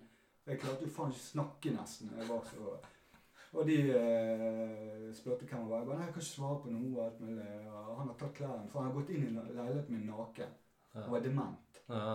Sant? Og, eh, og så tok jo de over det problemet. Sant? Jeg krøp jo inn i en hale mellom beina inn i leiligheten og låste der. Og angst opp etter ryggen og nakke og alt som var. Og så gikk det sånn en halvtime, da. Og så bare ringte de på sånn her ti ganger. Jeg tør ikke åpne. Til slutt bare banka de på. Du, du, du, du, du. De bare 'Hallo, hallo, du må åpne!' Og jeg bare Jeg hadde jo allerede begynt på oste, ostepopen for å feire at jeg kom meg gjennom dette. Så jeg åpna opp der. Der sto det to stykker fra ambulansen som hadde plukka han med seg. da. Og så jeg hadde jo ostepop i hele trynet. og så faen ikke ut da. Og de bare 'Ja, hva som har foregått her?' Og jeg bare Nei, jeg, jeg sa bare 'Jeg kan ikke svare på en drit'. Jeg har ikke peiling. Dette her er det sykeste jeg har vært med på i hele mitt liv. Så eh, de bare Ja, begynte å spørre sånn her 'Ja, det går bra med deg, da?' For de så jo sikkert at det var ut, ja. Så, men jeg klarte nå å få de unna. Så han hadde rømt fra en psykiatrisk klinikk eller sånn her eh, rett ved siden av. Dement. ja. Dementklinikken. ok, Så vi burde jo sikkert vært der sjøl. Nei, så det var jo faen meg eh, en opplevelse. Det var sånn jeg møtte naboene mine første gang. Så er viktig med godt førsteinntrykk. Den leiligheten den ble solgt ganske kjapt etterpå. Rett inn på finn.no. Ja. Ja, nei, men det er jo, det er jo uh, morsom historie nå, men det er jo, det er jo sikkert ikke morsomt helt, å stå oppi det. Det var helt grufullt. Det var helt jævlig. Ja. Jeg hadde, jeg bare faen, jeg kan ikke ringe noen her. Hva skal jeg gjøre da? Det går jo ikke an. Så det var jo Nei, at det er sånn typisk ting som kan skje meg. Det er jo Jeg eh, hadde vært vekk i ti minutter, liksom. Kanskje det er et sånt tegn på å slutte å bruke rus som Ja, flukt? det gikk jo bra. det gikk jo bra. Det hadde sikkert gått bedre hvis du hadde vært edru når du kom inn døren og så bare så Å, her er det en gammel mann som ikke er helt god. Ja. Han må få hjelp. Men klærne mine fikk jeg aldri igjen. Jeg håper han har det igjen nå. Ja. Ikke han døde av korona. Ja, nei, det, det er mange måter å komme seg ut av det. Så, og, og på Det er jo- litt fint å prøve å snakke om, da. At det ikke bare blir, eh, Ja. blir problemer ut av det. Men jeg, Det var dagens eh, hyggelige historie. ja, ja, vi kan ta, ta noe mer gøy etterpå hvis vi får tid. Men eh, ja, nei, jeg, jeg, eh, jeg kjenner meg jo igjen i det å ha, ha sånne usunne handlingsmønstre og tankemønstre på, på hvordan en håndterer det. Og jeg tror mye av det det er vanskelig å meg å bryte Ja, men jeg husker jo Jeg, tror, jeg vet jo hvorfor jeg, Jeg har sett at eh, min far driver med sånn overspising og sukker og ja, alkoholiker og sukker eh, Jeg fikk ikke sukkerholiker. lov å spise smågodt da jeg var liten hos pappa. Han, ble, han var sånn, jeg var, jeg var livredd for at han skulle Jeg måtte snike meg på butikken og kjøpe snop. Og Ja, jeg, jeg, var ikke, jeg er ikke vokst opp med han, så jeg vet ikke hva han har sagt noe om det. Men jeg, det som jeg tror, er jo en av tingene som gjør når, når du er tidlig Jeg vet ikke, Du har jo ikke unger sjøl, men det er jo sånn, jeg har sikkert gjort dette sjøl. Jeg tror mange foreldre går i en sånn felle der de driver med belønning for, for å øh, gjøre ting som de ikke vil. sant? Altså Ja. Hvis ungene dine Jeg har tenkt litt på det i det siste. Det er litt sånn Unger de ser frem til lørdag, for da får de være lenge våken og spise masse snop og gjøre alt det de ikke får lov til ellers. Men, Mm. men det er jo ikke rart at vi da vokser opp, og så skal vi fyre og drikke oss dritings i helgene, og da skal vi liksom belønne oss for all den driten vi hadde i uken, og vi måtte opp tidlig og gå på jobb og Ja. Alt det der. Og så, så har jeg sett liksom sånn et, et mønster som jeg har. Det er sånn, for jeg har jo alltid hatt legeskrekk pga. alle de symptomene. Jeg trodde jo alltid jeg skulle få dødsdommen når jeg kom inn til legen da jeg var liten. Uansett hva det var. sant? Og sprøyteskrekk og tannlegeskrekk og alt mulig. Ja. Eh, og, da, og da fikk jeg alltid noe snop eller noe belønning når jeg hadde vært hos legen. Jeg husker Før så gjorde jeg det sjøl med ungene. sant? Hvis de ikke ville gå til legen, så sa ja, du får premie. Og vi får jo til og med premie hos legen og tannlegen. De har jo en skuff med leker. Ja, og så har de sånn skuff med leker og sånt, så de gir til unger som har vært Nå har du vært flink og tatt blodprøve, så nå skal du få snop. Og det er ikke rart at det blir innlært som en sånn belønningsmekanisme Nei, og et handlingsmønster. Når du får det på flere og flere ting, så forventer du det nesten på alt. Ja. At de skal belønning for alt. Og i og med at det utløser eh, dopamin og disse stoffene som gjør at du føler deg bra, Ja. så, så får du en sånn opptur etterpå. Og, så det vi gjør, er at vi bruker Voksne bruker jo ofte alkohol. sant? De bruker alkohol når, når ting går dårlig, for å få det føle seg bedre. Så bruker de alkohol når vi skal feire noe. Da er det fram med champagnen. sant? Det er egne uttrykk omtrent på dette. Det er gravøl, og det er Mm. liksom Nå spretter vi champagne for å feire. og Lønningsspill. sant? Det er masse sånne der belønningsgreier som er innarbeidet i samfunnet. omtrent. Helt det kollektiv svikt her på høyt plan. Ja. Der vi belønner oss sjøl med alkohol når vi er voksne, og så belønner vi ungene våre med sukker når, når de er barn. Så at jeg, jeg holder jo på sånn enda, uten at jeg har tenkt over det før de siste årene, når jeg virkelig har begynt å jobbe med meg sjøl. Så det er sånn Hvorfor går jeg Selv når jeg Selv når jeg har vært hos legen for å sjekke liksom, blodsukker, for jeg var redd for at jeg hadde begynt å få diabetes. Ja. Det første jeg gjør når jeg har gått ut derfra, liksom fått en kur med vitaminer og mineraler og medisiner og alt mulig jeg skal ta for å få bedre helse. Det første jeg gjør når jeg kommer ut derfra, er faen å gå og kjøpe meg 200 gram med firkløver. ja, det er så godt. det. Og det, ja, men det er jo bare for det innarbeidet. Sånn at jeg har vært hos legen, så da skal jeg selvfølgelig gå og kjøpe noe snop. Ja. Det, det har vært innarbeidet fra jeg var liten. Og det betyr jo ikke at jeg synes at barndommen min var jo ikke forferdelig av den grunn, eller jeg har hatt en dårlig mor eller far pga. det. Men det er sånne handlingsmønstre som kommer av sikkert en relativt uskyldig ting. Sånn. Vi, vi vil jo at ungene våre skal gå til legen og sjekke om de er syke. Mm. Men hvis vi gir dem sjokolade hver gang de går til legen, så kommer de til å gjøre det når de er voksne òg. Ja. På en eller annen måte. Så kommer de til å belønne seg sjøl for den tingen. Og det er jo ikke en sunn måte å leve på. I hvert fall ikke hvis du gjør det for mye fordi du sliter med et eller annet. sant? Mm. Og hvis det å gå til legen for meg trigger et traume, så kommer jeg til legen og blir aktivert. Så går jeg ut, så blir ikke det bare en liten belønning. sant? Det blir en stor belønning. Det blir masse belønning. 200 gram noe minimum. Ja, det er minimum, sant. Og det blir gjerne Ja, da kan jeg jo unne meg en Red Bull eller en, colaboks eller et eller annet òg. Så blir du, du, du havner i sånne mønster igjen med en gang. Ja. Og det ser jeg jo igjen i andre ting òg, og så bruker du det for å slukke sorgene. Mm. Og jeg hadde jo en periode med når jeg hadde et samlivsbrudd, og så var det alle hadde ungene annenhver helg, sant? så da var det noe greit. Da var jeg, var jeg med de, men når jeg ikke hadde ungene, så var det jo liksom å drikke seg full fredag og lørdag. sant? Og om, om det var for å ha det gøy, eller om det var for å bøte på noe mangle nærhet, eller hva det var, det vet jeg ikke, men Det var nok litt av begge deler. ja, og, det, og da blir det sånn at da blir jo ikke det overspising, da blir det overdrikking. Ja, ja. Så det var et totalt usunt forhold til, eh, til alkohol pga. det. Når jeg har en far sjøl som, som har slitt med alkohol og, og på en måte hatt det problemet i blodet omtrent. Ja, og så er det litt sant, Det er jo ofte det genetisk anlagt, og du får ofte det samme som foreldrene. Ja, men det er det jeg lurer litt på. Er det gener, eller er det Ja, bare det at nei, er ser det er gener, men det er vi ser hvordan de ser takler det- problemene sine. Da. Ja, og så gjør du det sånn. Det, må, det er et eller annet. Ja, så, så, så det, det er sikkert både arv og miljø. Ja. Eh, vanskelig å vise, vite hva som kan når det er foreldrene dine. Det er nok en kombinasjon. Ja, for hvis, hvis vi tenker at vi er et blankt lerret når vi blir født, og de første seks, syv, åtte årene er ren programmering av det som er rundt oss, Ja. hva er da egentlig arv, og hva er miljø? Hvis, Mm. hvis du suger til deg alt Du trenger ikke å være gammel for å oppfatte det som skjer rundt deg. Barn er jo egentlig mye mer oppegående på sånne ting og observant på sånne ting enn det vi tror, Ja. eh, og sikkert skulle ønske. Så det er klart at du kan ha oppfattet eh, ting sant? Hvis foreldrene dine krangler, og så hører du f.eks. din far si 'Nå må jeg ha en øl.' Eller nå, må 'Nå går jeg på polet'.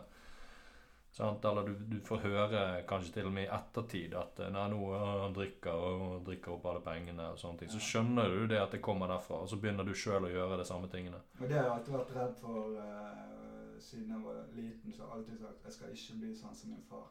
Ja, ja det var jeg òg. Og så blir det Så blir du det likevel, på en måte. Du får de samme tingene. Jeg kjenner igjen mønstrene og tingene og kan havne uti. Og, Ja, og da fører jo det til mer selvsabotasje og selvskading. sant? Selvhat for de som er helt der. mm, Eh, det tok jo ikke med i sted, sant? som òg er en form for flukt, kanskje, men det er jo òg en form for Det er jo et symptom i seg sjøl, at, at du driver og saboterer deg sjøl og ødelegger for deg sjøl gjennom å gjøre disse tingene som er, som er dårlige valg. sant? ja. Og det, det, du handler på impuls igjen. Og jeg var jo sånn i den perioden jeg hadde det grådig kjipt etter jeg var liksom, jeg ble singel, og så lurer du deg sjøl til å tro at da er jo alt bra. Og da er det helt konge å gå og drikke og ha sex med en ny dame hver eneste helg. Mm, Eh, og det, det er jo ikke Med unntak av at jeg har fått noen morsomme dikt ut av det, og noen gode historier, så har det på en måte ikke vært noe bra. Jeg, I 2017, så Når jeg på en måte innså at jeg virkelig hadde et problem med alkohol, selv om jeg nesten ikke drakk da på det tidspunktet. Da, jeg var jo flyttet til Masfjorden, så jeg kunne, så jo ikke byen mer enn eh, en gang i måneden omtrent. Eh, altså ikke for å drikke, men bare byen generelt. ja. Eh, så, Det merker jeg veldig eh, når jeg gjør standup. sånn, Så føler jeg alltid at jeg må drikke. Ja. Ja, der er det jo litt sånn miljø og sånt òg. Ja, det er jo det, men det er liksom, jeg også har så jævlig lett for å si ja uansett, vet du. Ja. ja, det er vanskelig å si nei. Ja, jeg klarer ikke å styre meg. jeg. Ja, Så høres det alltid gøy ut, og så er du redd for å gå glipp av noe. Sant? Ja, ja. Ja, jeg har vært livredd for deg og hele livet. Gå glipp av ting. Mm. Men, det, men det, det, er jo ikke bra. Men det er Sant? ikke bra å drikke alkohol. Det er ikke bra for meg å drikke alkohol her. Jeg blir jo helt idiot når jeg drikker. Jeg, når jeg skjønte det der sommeren i 2017, at jeg hadde det samme problemet Altså Problemet mitt var ikke at jeg drakk ikke hver dag eller veldig ofte, men når jeg drakk, så var liksom, drakk jeg alltid for mye. Ja, det det. Sånn? Jeg, eh, jeg er glad i å drikke. Hvis det først Jeg ser alle har aldri sett det på poenget. Ja, nå skal jeg kose meg med fire øl. Nei, nei, jeg du må, du må bli dritings. Du kan drikke Ja. tolv. Jeg er klart ikke stoppet etter fire før. Nei. Nå, eh, Jeg gikk jo i nesten tre år uten å drikke alkohol i det hele tatt da da jeg skjønte det. Jeg ble kvalm da jeg gikk forbi alkohol i butikken i et helt år. Eh, Jeg er jævla glad i så jeg- sånn her ingefær. Ja, ja, men det smaker jo Det er jo jækla mye sukker i. Det er jo, bare snop. De kan jeg drikke ti, Ja. og så spyr jeg 20 ganger. Og skammer deg og hater deg sjøl. Nei, så det jeg, nå, nå har jeg på en måte gitt meg med alkohol, for jeg har tatt et oppgjør med det. Og så ser jeg òg at det, det har så mange alle de, alle de dårlige tingene i livet mitt har vært relatert til alkohol. Mer eller mindre utelukkende. Ja. Både i voksenlivet og i barndommen så har på en måte det stammer fra alkohol. De fleste traumene mine stammer, kan jeg relatere tilbake til alkohol. Jeg husker liksom når jeg var hos pappa Og ikke engang mitt eget alkoholbruk, det er andre sitt. Jeg husker jeg eh, var hos pappa annenhver helg. mm. Og bare sånn her, når det var julaften sånn, så vi gikk jo nærmest rundt barskapet istedenfor juletreet. vet du. For at han drakk så Ja. jævlig med Ja, det som skjer, tror jeg, med det der er For jeg har, jeg har noe som kommer litt senere her, da, på Snakke litt om måter vi kan begynne å kjenne igjen sånne mønstre. Men det som, det som er litt morsomt, er jo det, er det at du Vi er jo litt spirituelle her, da, i hvert fall. Så jeg, jeg, jeg har lest, lest mye om sånn Du eh, du tiltrekker deg lignende folk. sant? Så du, Mm. du har en eller annen vibrasjon eller frekvens som du sender ut i universet, så kommer det tilbake til deg. Og jeg tror det er litt sånn at hvis du, er, hvis du ruser deg for mye, så vil du tiltrekke deg andre som ruser seg for mye. klassiker, Sant. Så da vil jo plutselig hele miljøet ditt bli Ja, rusmisbrukere hvis du er en Hvis du fester mye rusmisbruker. og tar narkotika, ecstasy, kokain og alt det der, så blir jo det sånn hvis du gjør det gjerne litt i starten, og så ja, et par, par ganger i året, sant? og så blir det gjerne en gang i måneden istedenfor. sant? Og da havner du med de samme folkene. Ja da, det samme gjør det med andre ting. sant? Sånn er det med alt i livet. Spiller du fotball, så er du med de, liksom. Ja, og jeg er sikker på det at jeg la, la sikkert ikke merke til det før når jeg drev og spiste altfor mye. Jeg veide jo 120 kilo på et tidspunkt. sant? Nå veier jeg et par og 90. Ja. Eh, og det kom jo i samme Det var jo samme perioden. sant? Sp- Spiste for å dekke over at jeg hadde følte meg dårlig innvendig. Så jeg hadde eh, spiste så intenst mye sjokolade og pizza og sånne ting. Ja, Jeg har alltid hatt et stort problem med smågodt.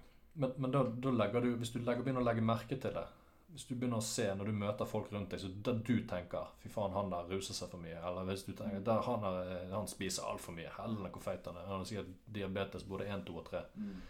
så, eh, så er det Sånn som jeg ser det, i hvert fall, så, så kan du speile deg alle menneskene du møter. Du kan speile deg i ungene dine, i foreldrene dine, i andre. De, de er der for å vise deg noe om deg sjøl. Istedenfor at vi ser på de og dømmer de, så må vi se hva er det, hva kan jeg lære ut av dette. Om det er fordi det irriterer deg at noen er sånn, eller det er noe som går utover deg for en eller annen person oppfører seg på en spesiell måte, eller et eller annet. Du, du ser at uh, sjefen din er grisefeit og sliter med et eller annet. Ja. Så kanskje det er noe du skal ta til deg der sjøl. Kanskje du skal se at du har en voldsom grådighet der du spiser for mye. Selv om ikke noen av oss er feite nå, så kan vi sikkert innrømme at begge to ingen av oss har det sunneste kostholdet hele dagen. eh, Hvis jeg hadde ikke hadde trent her nok, så hadde jeg sikkert blitt smellfeit, tror jeg. Ja. Ikke smellfeit, men hadde blitt feit. Ja. Nå er jeg sånn midt imellom tynn og feit. Grensen er litt over på Hvis det hadde vært en pH-skala som går fra 1 til 10, så er jeg på 6. Ja. Bikker Ja. mot feit. Ja, men det er, jo ikke, ikke sånn at farlig. Du ser jo ikke akkurat tjukk ut. Nei. Men, øh, og jeg er jo ikke det heller, men jeg er jo, jeg er jo fortsatt bevisst på hvordan, hvordan jeg ser ut. og prøver å følge jeg, jo, jeg vil jo ikke at magen min skal bli grisestor igjen. Sant? Eh, I hvert fall ikke når jeg har jobbet såpass hardt for å komme ned i vekt. Og gjort, gjort mye riktig lenge. Så, eh, for det er jo en sånn ting som bare det i seg sjøl å havne tilbake i et sånt gammelt handlingsmønster.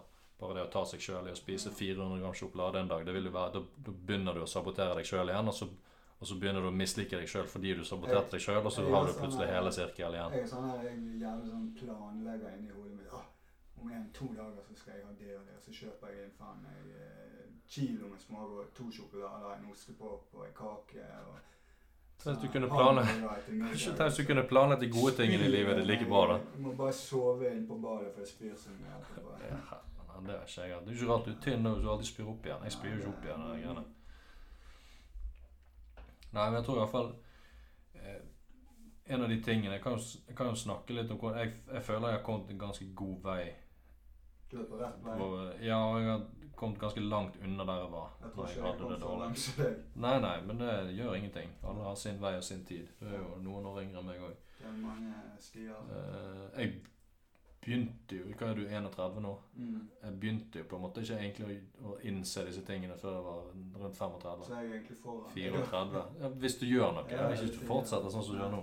Hvis jeg jobber med det 50 da, Ja. på deltid, så kan det bli bra til jeg er 35. Nei, men greien er jo at det blir litt sånn som alkoholikere. alkoholikerne. sant? Ja. De er alltid alkoholikere, selv om de ikke de drikker. Og de må slutte å drikke alkohol. De kan ikke bare kutte ned. Ja, men sant? det er litt sånn, Jeg har jo ikke Jeg har vel kanskje hatt problemer med weed og sånn. Men jeg har jo lyst til å røyke weed sånn her eh, en gang, to i måneden. Ja, men da må du Jeg tror du må komme et ganske langt stykke før du kan gjøre sånne ting. sant? For det at eh, det, Sånn som for min del òg, så har jeg på en måte aldri Hva den lengste tiden jeg har vært uten, helt uten sånn sukker og snop og sånne ting? Det var to-tre måneder.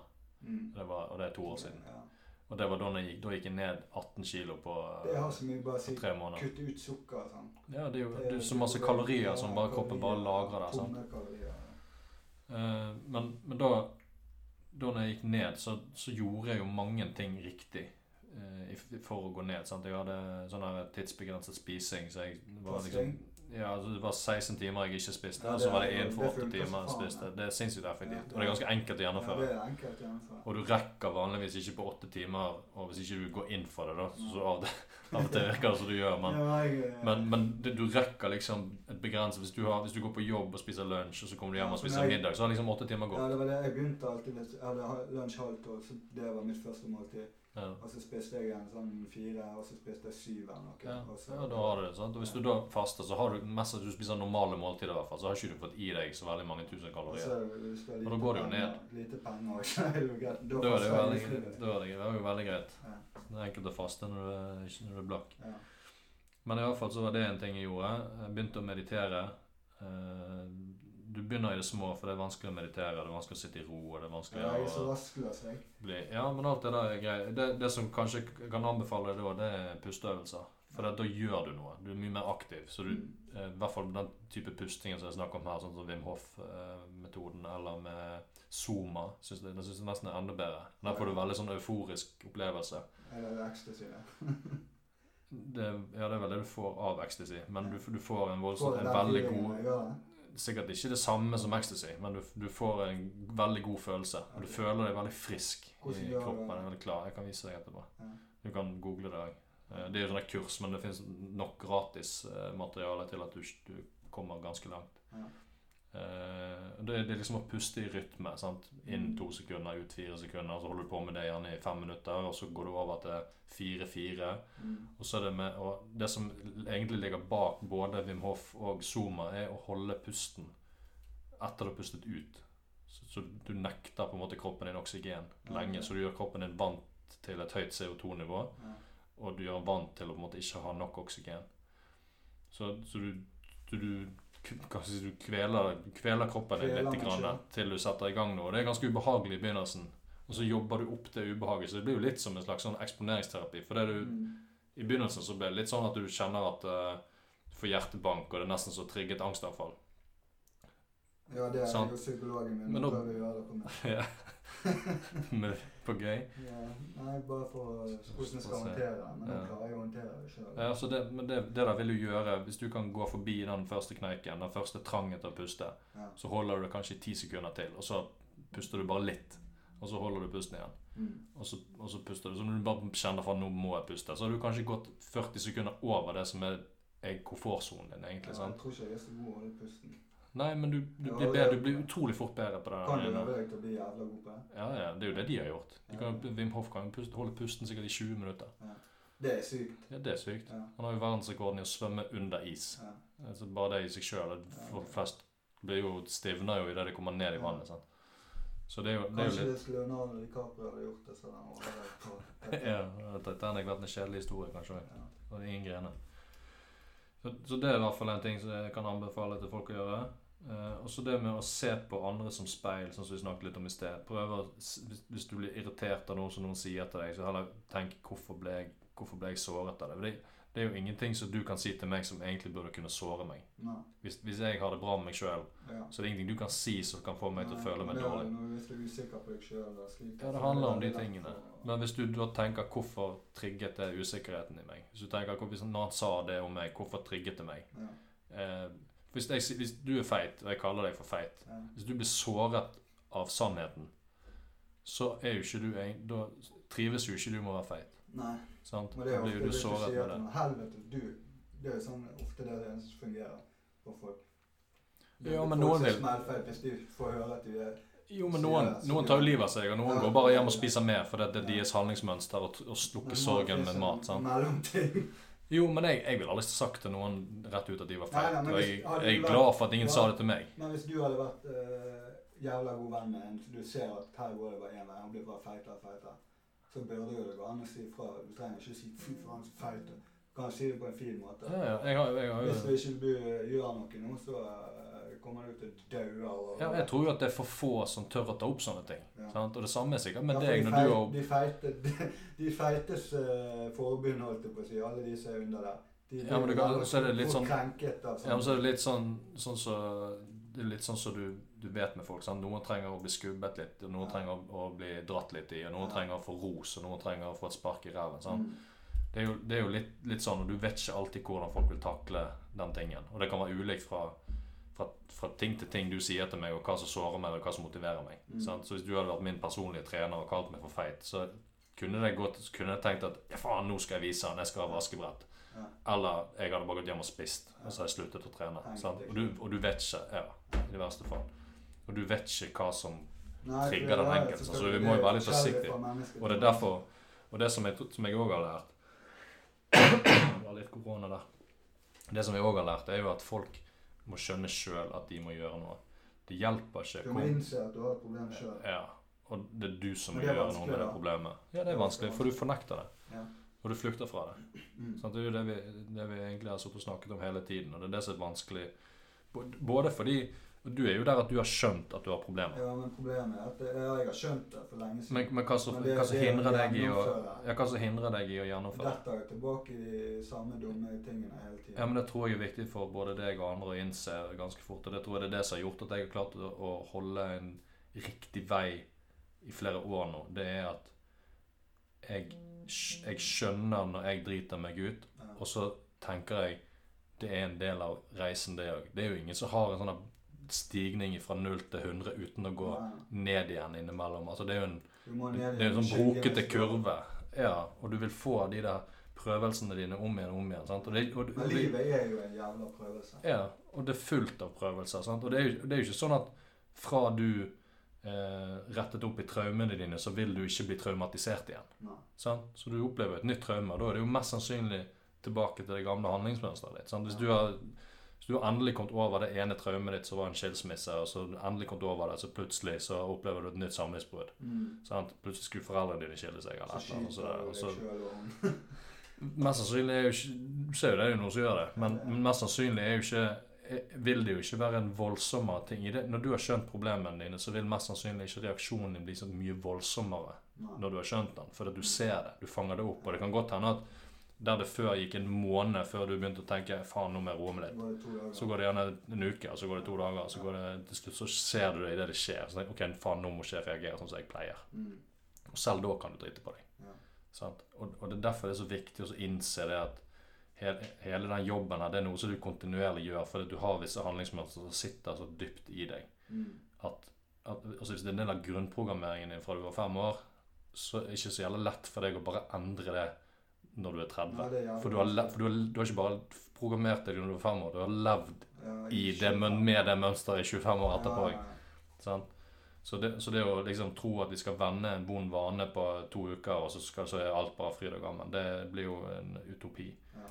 Så jeg, jeg tror at det er en viktig ting å innse, liksom at en del av veien vil være de tilbakefallene. Ja, Ja. For det er jo jævlig mange med en gang de feiler, så bare fuck it. Ja. Da kommer Kom med sjokoladen, for helvete. Ja, ja. Og det er derfor de, de, liksom de tre enkle levereglene som som jeg har eh, Lever du etter er tre nå? Hmm? Lever du etter tre regler nå? Jeg lever etter sikkert mange regler, og så bryter jeg de sikkert uh, hver dag òg. Ja. Men, men tre enkle ting er jo spesielt sånn som når du, når du driver med selvsabotasje. sant? Mm. Uh, og, og disse tingene. For, fordi, for å skjønne at vi holder på med disse handlingsmønstrene, så må jo vi se det. Ja.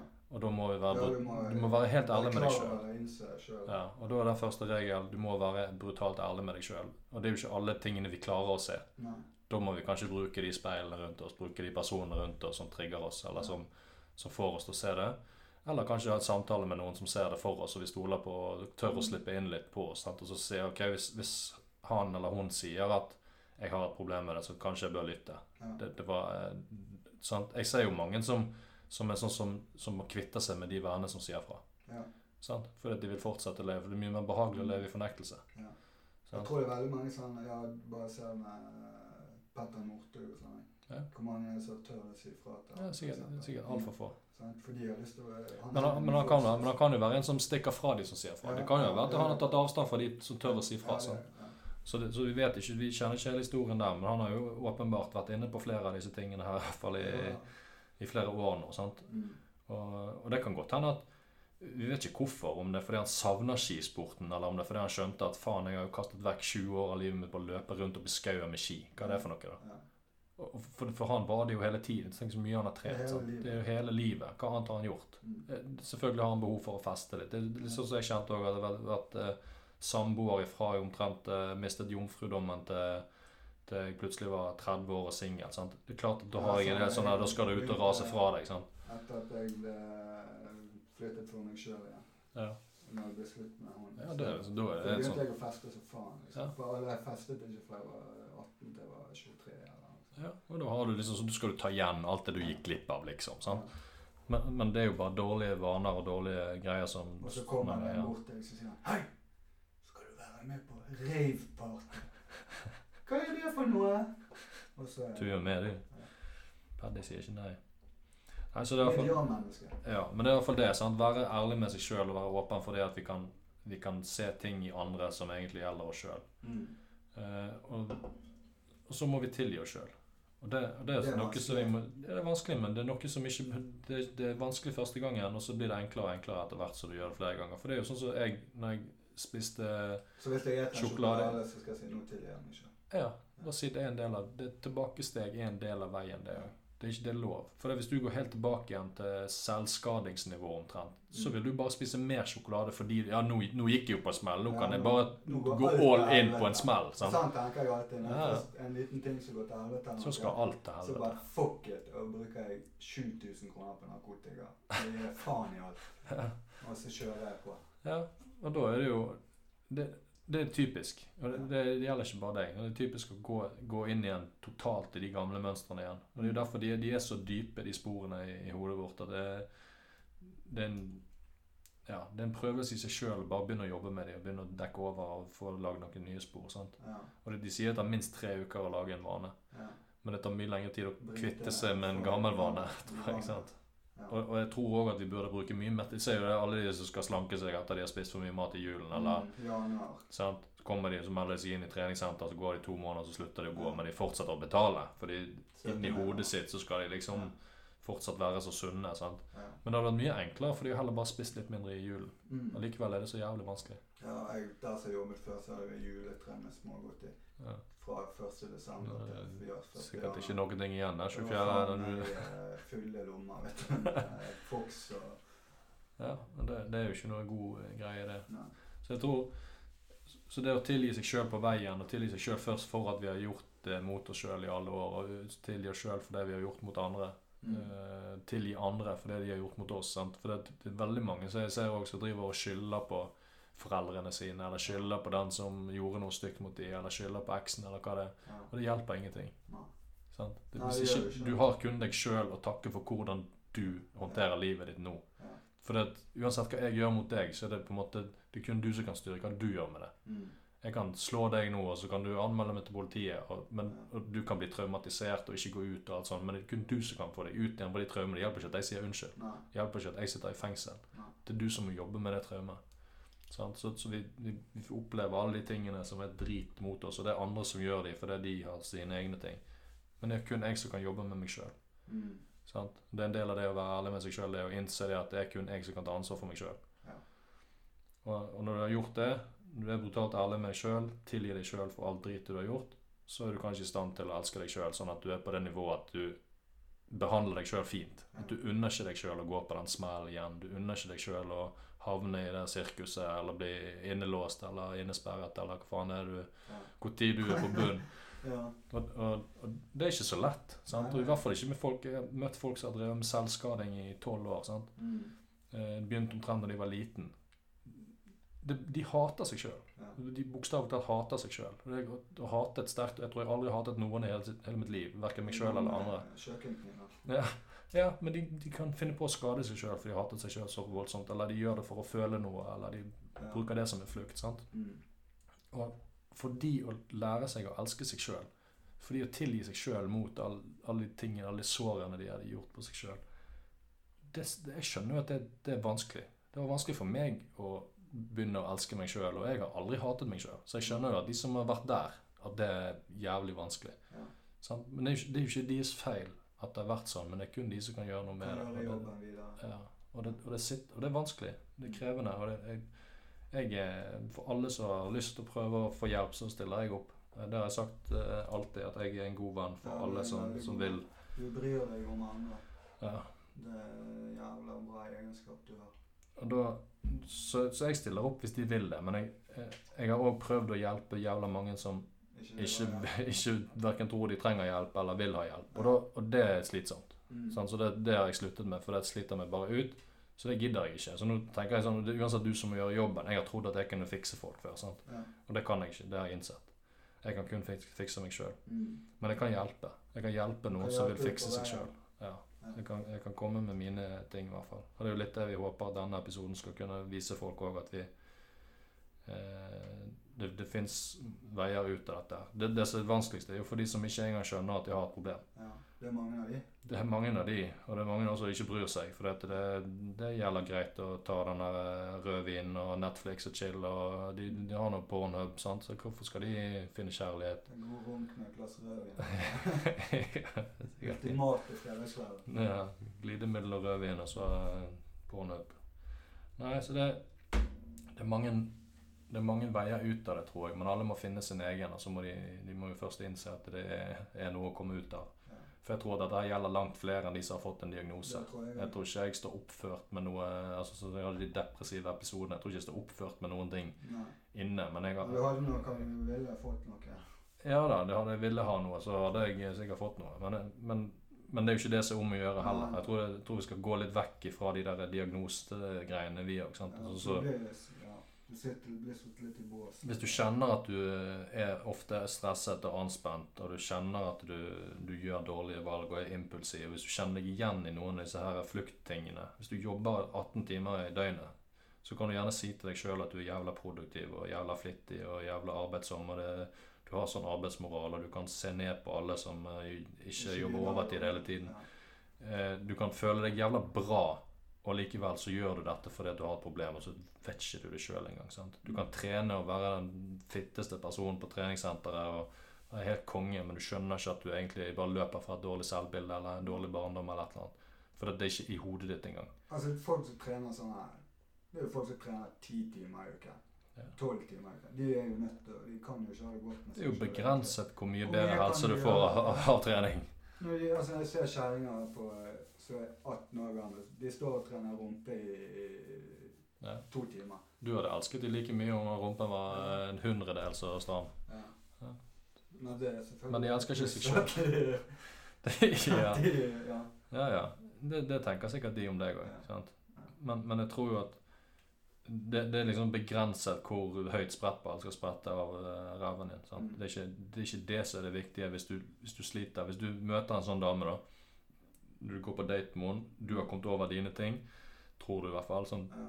Begynt å komme i gang, og så møter du en dame, og så er hun stram og fin og alt du vil ønske deg i, i henne, og snill og grei og alt. Og så Og så, så, så viser det seg at hun er, har sliter med masse greier. sant? Ja. Og så kommer ikke det frem før hun har flyttet inn og Nei. dere har kjøpt katt. og alt. Ja, Hvis hun i det hele tatt gjør det, eller du oppdager at hun skader seg sjøl, eller et eller annet. sant? Ja.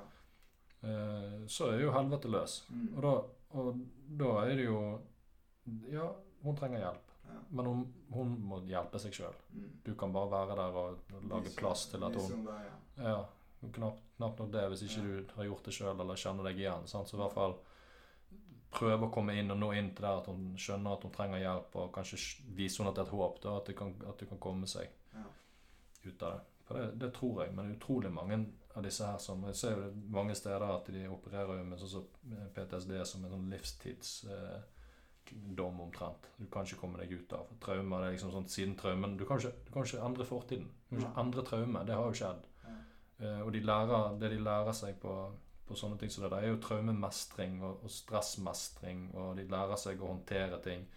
Men, men de går aldri inn og br- bruker litt mer spirituelle ord som, eh, som det å tilgi, Nei. og det å tilgi seg sjøl, ikke minst. Kanskje aller mest det. Sant? For det er veldig mange som føler skyld og skam eh, mot alt dette her. Jeg tror, jeg tror at folk må i psykologien må begynne å åpne opp for, eh, for at Ja, men det er jo noen som det henger sammen, Det dette. er jo en del psy- psykologer og psykiatere som er åpne for det. Men Ja, det det er veldig sånn De kan ikke gjøre det. eller- Ja, det begrenser hva de kan dra inn i behandlingen. Før de blir stempla som eh, galne. Og, Ja, ja. Det tror jeg òg. Jeg tror det blir mer og mer. da. Blir det om, om 50 år, så tror jeg det. Det er jo mer fokus på dette nå. sant? Du ser på det som går på TV og sånn de siste årene, så har det vært litt fokus på det med ungdom og psykiske lidelser. Så det har vært mye i det. Men ja, jeg, jeg føler det er sjelden de kommer med noen gode løsninger. da. Nei. Det er jo det er stort sett bare for å sette fokus på det. Men Men jeg tror det blir mer og mer sånn de kommer til å bruke eh, ketamin som eh, middel mot depresjon. og det har de jo begynt med i Norge, men jeg er litt usikker på Du om får det er... på en sånn spray, men jeg har ikke, tror ikke jeg får det hvis jeg spør. Nei, men du har Det er jo akkurat det, sant. Nei, jeg tror ikke Jeg, jeg tror ikke det er veien ut av det. For det, hvis du får igjen hvis, hvis du bytter ut det ene rusmiddelet med det andre bare fordi legen skriver det ut til deg, så fikser ikke du problemet ditt. Nei, du gjør ikke det. Sant? Du må ha en med, hvis, hvis du må hele sprayen for å få full futt en hverdag. ja, Hvis du må gå ut av deg sjøl og finne et eller annet eksternt hjelpemiddel for å føle deg bra fordi du har det dårlig, så, er så har jo ikke du løst problemet ditt. Og, og jeg er veldig sånn Jeg er veldig oppgitt av av det der symptom. Det var jo sånn som vi begynte med i sted. sant, og snakket om at det, det er liksom rett på apoteket. Det er løsningen er på apoteket. Sant? Hvis, hvis du har en svulst i hjernen som gir deg hodepine, og- men du vet ikke det, men du, du har hodepine hver dag, så går du til legen, og så får du utskrevet mild- Ibux. sånn at 100 000 Ibux og Paracet for Ja. å løse hodepinen din. Ja. Du får ikke noe mindre svulst i hodet av den grunn. Og har du betennelser i, i kroppen din fordi at du, du får det betennelsesdempende Du må jo finne ut hvorfor du har en betennelse i kroppen din. Mm. Og hvis legen ikke er interessert i det, så mener jeg de bør virkelig gå i seg sjøl og så finne ut hvorfor de har gått syv år lenger enn eh, de fleste på skole for å bare gi en pille som, som alle kan google seg fram til og sånn gå på her, apoteket og Du kommer inn til legen, så er det om å bli fortest mulig ferdig, så Ja. neste kan komme inn. Ja. Det liksom, Og- og dette kan- legen har det ikke kan du tid til å google sitte seg ned med deg i 40 minutter og diskutere hva som virkelig eh, Nei, går til det er det jeg sier. Du, det er derfor du må gjøre det sjøl. Ja. For legen kommer ikke til å gjøre det. Og psykologen prøver i hvert fall. Og disse tingene henger jo sammen. Jeg garantert at hvis du er anspent hele tiden fordi du har angst fordi du er traumatisert på et eller annet tidspunkt i livet ditt, så er du anspent hele tiden. Så får du vondt i skuldrene, du får vondt i nakken, du får hodepine og migrene. Ja. ja. Det er ikke engang gangsperr, det er bare at du er anspent. Ja, kan det være det, da. Men, men det er jo igjen for, altså, Og det, det som folk eh, gir deg da, hvis du, får, eh, hvis du er anspent lenge nok og får migrene til slutt, så Mm. får du migrenetabletter. Ja, det har jeg fått. Jeg fikk sånn nesespray. Ja, og hvis, hvis, hvis spenningen dine kommer fra angst, så løser ikke migrenetabletter det i det hele tatt. Det, gjør, det, det ødelegger jo bare Men hodet de har en pille eller et eller annet til alt, vet jeg. Ja, men de, ja, men de tar symptomene. sant? Ja. Og, og jeg, jeg hadde vært jævla flau. Jeg, jeg, vært, jeg har vært såpass interessert i både medisin og psykologi at jeg sikkert burde blitt eh, enten lege eller psykolog, men Men jeg hadde vært jævla flau hvis jeg skulle være en ekspert på helse, enten det var fysisk eller psykisk helse, og så sendt folk på apoteket med en lapp der det står hva tablett de skal ta for å dempe et symptom, istedenfor å prøve å finne ut hvorfor du har symptomene. Jeg hadde, jeg hadde skammet meg hvis jeg var lege. De, rett ut skammet meg. De, de bør virkelig gå i seg sjøl. For hvis ikke, hvis ikke du blir lege fordi du er interessert i å hjelpe folk, og hvis ikke du skjønner at hjelpen er noe annet enn å pleie det ene eller det andre symptomet, så har du ikke noe i det yrket å gjøre, etter min mening. Og det samme er med psykologer. Hvis, de, hvis folk kommer inn og er traumatiserte, og de skal behandle det med antidepressiva eller med tunge tabletter som bare stenger ned hjernen din for at ikke du skal sjøl sitte og tenke over hvorfor du hadde vondt, Ja. de må skamme seg. De, de må slutte med det de holder på med, og ta og se seg i speilet og se hva de egentlig driver med. For at, og Du kan fint si at de skal kombinere det med traumemestring og terapi. Det er helt fint. Da, og jeg kan skjønne det at hvis, det, noen står på en bro og klarer å hoppe, så, så må de kanskje få noe for det. Ja, ja. Men det må aldri være den eneste løsningen. Og jeg tror i psykologien er de flinkere til å kombinere medisin med, med, med samtaleterapi og andre ting som virker. De har veldig mange tilbud. ja, jeg har sett, jeg har sett det at det begynte å komme seg veldig, så jeg skal ikke slå hele den uh, legestanden under samme kam. Men, men det, er, det er fortsatt veldig fokus på det, og det, og det, det er ikke sikkert det er deres feil engang. sant? Det kan godt hende det står i retningslinjene at de skal behandle ditten med datten. Ja. Men, eh, men det er jo ikke det som er veien til å gjøre deg frisk. Og jeg tror òg at mye av de Om du røyker hasj, eller om du, du tar noen tabletter du får fra legen din, eller eventuelt kombinerer det, ja, det er jo det beste. så, så tror ikke jeg du blir i noe bedre stand til å finne ut hva problemet ditt er. Jeg tror ja. det at uh, du, du flukt, det blir en flukt. sant? Det blir en legeassistert flukt. Ja.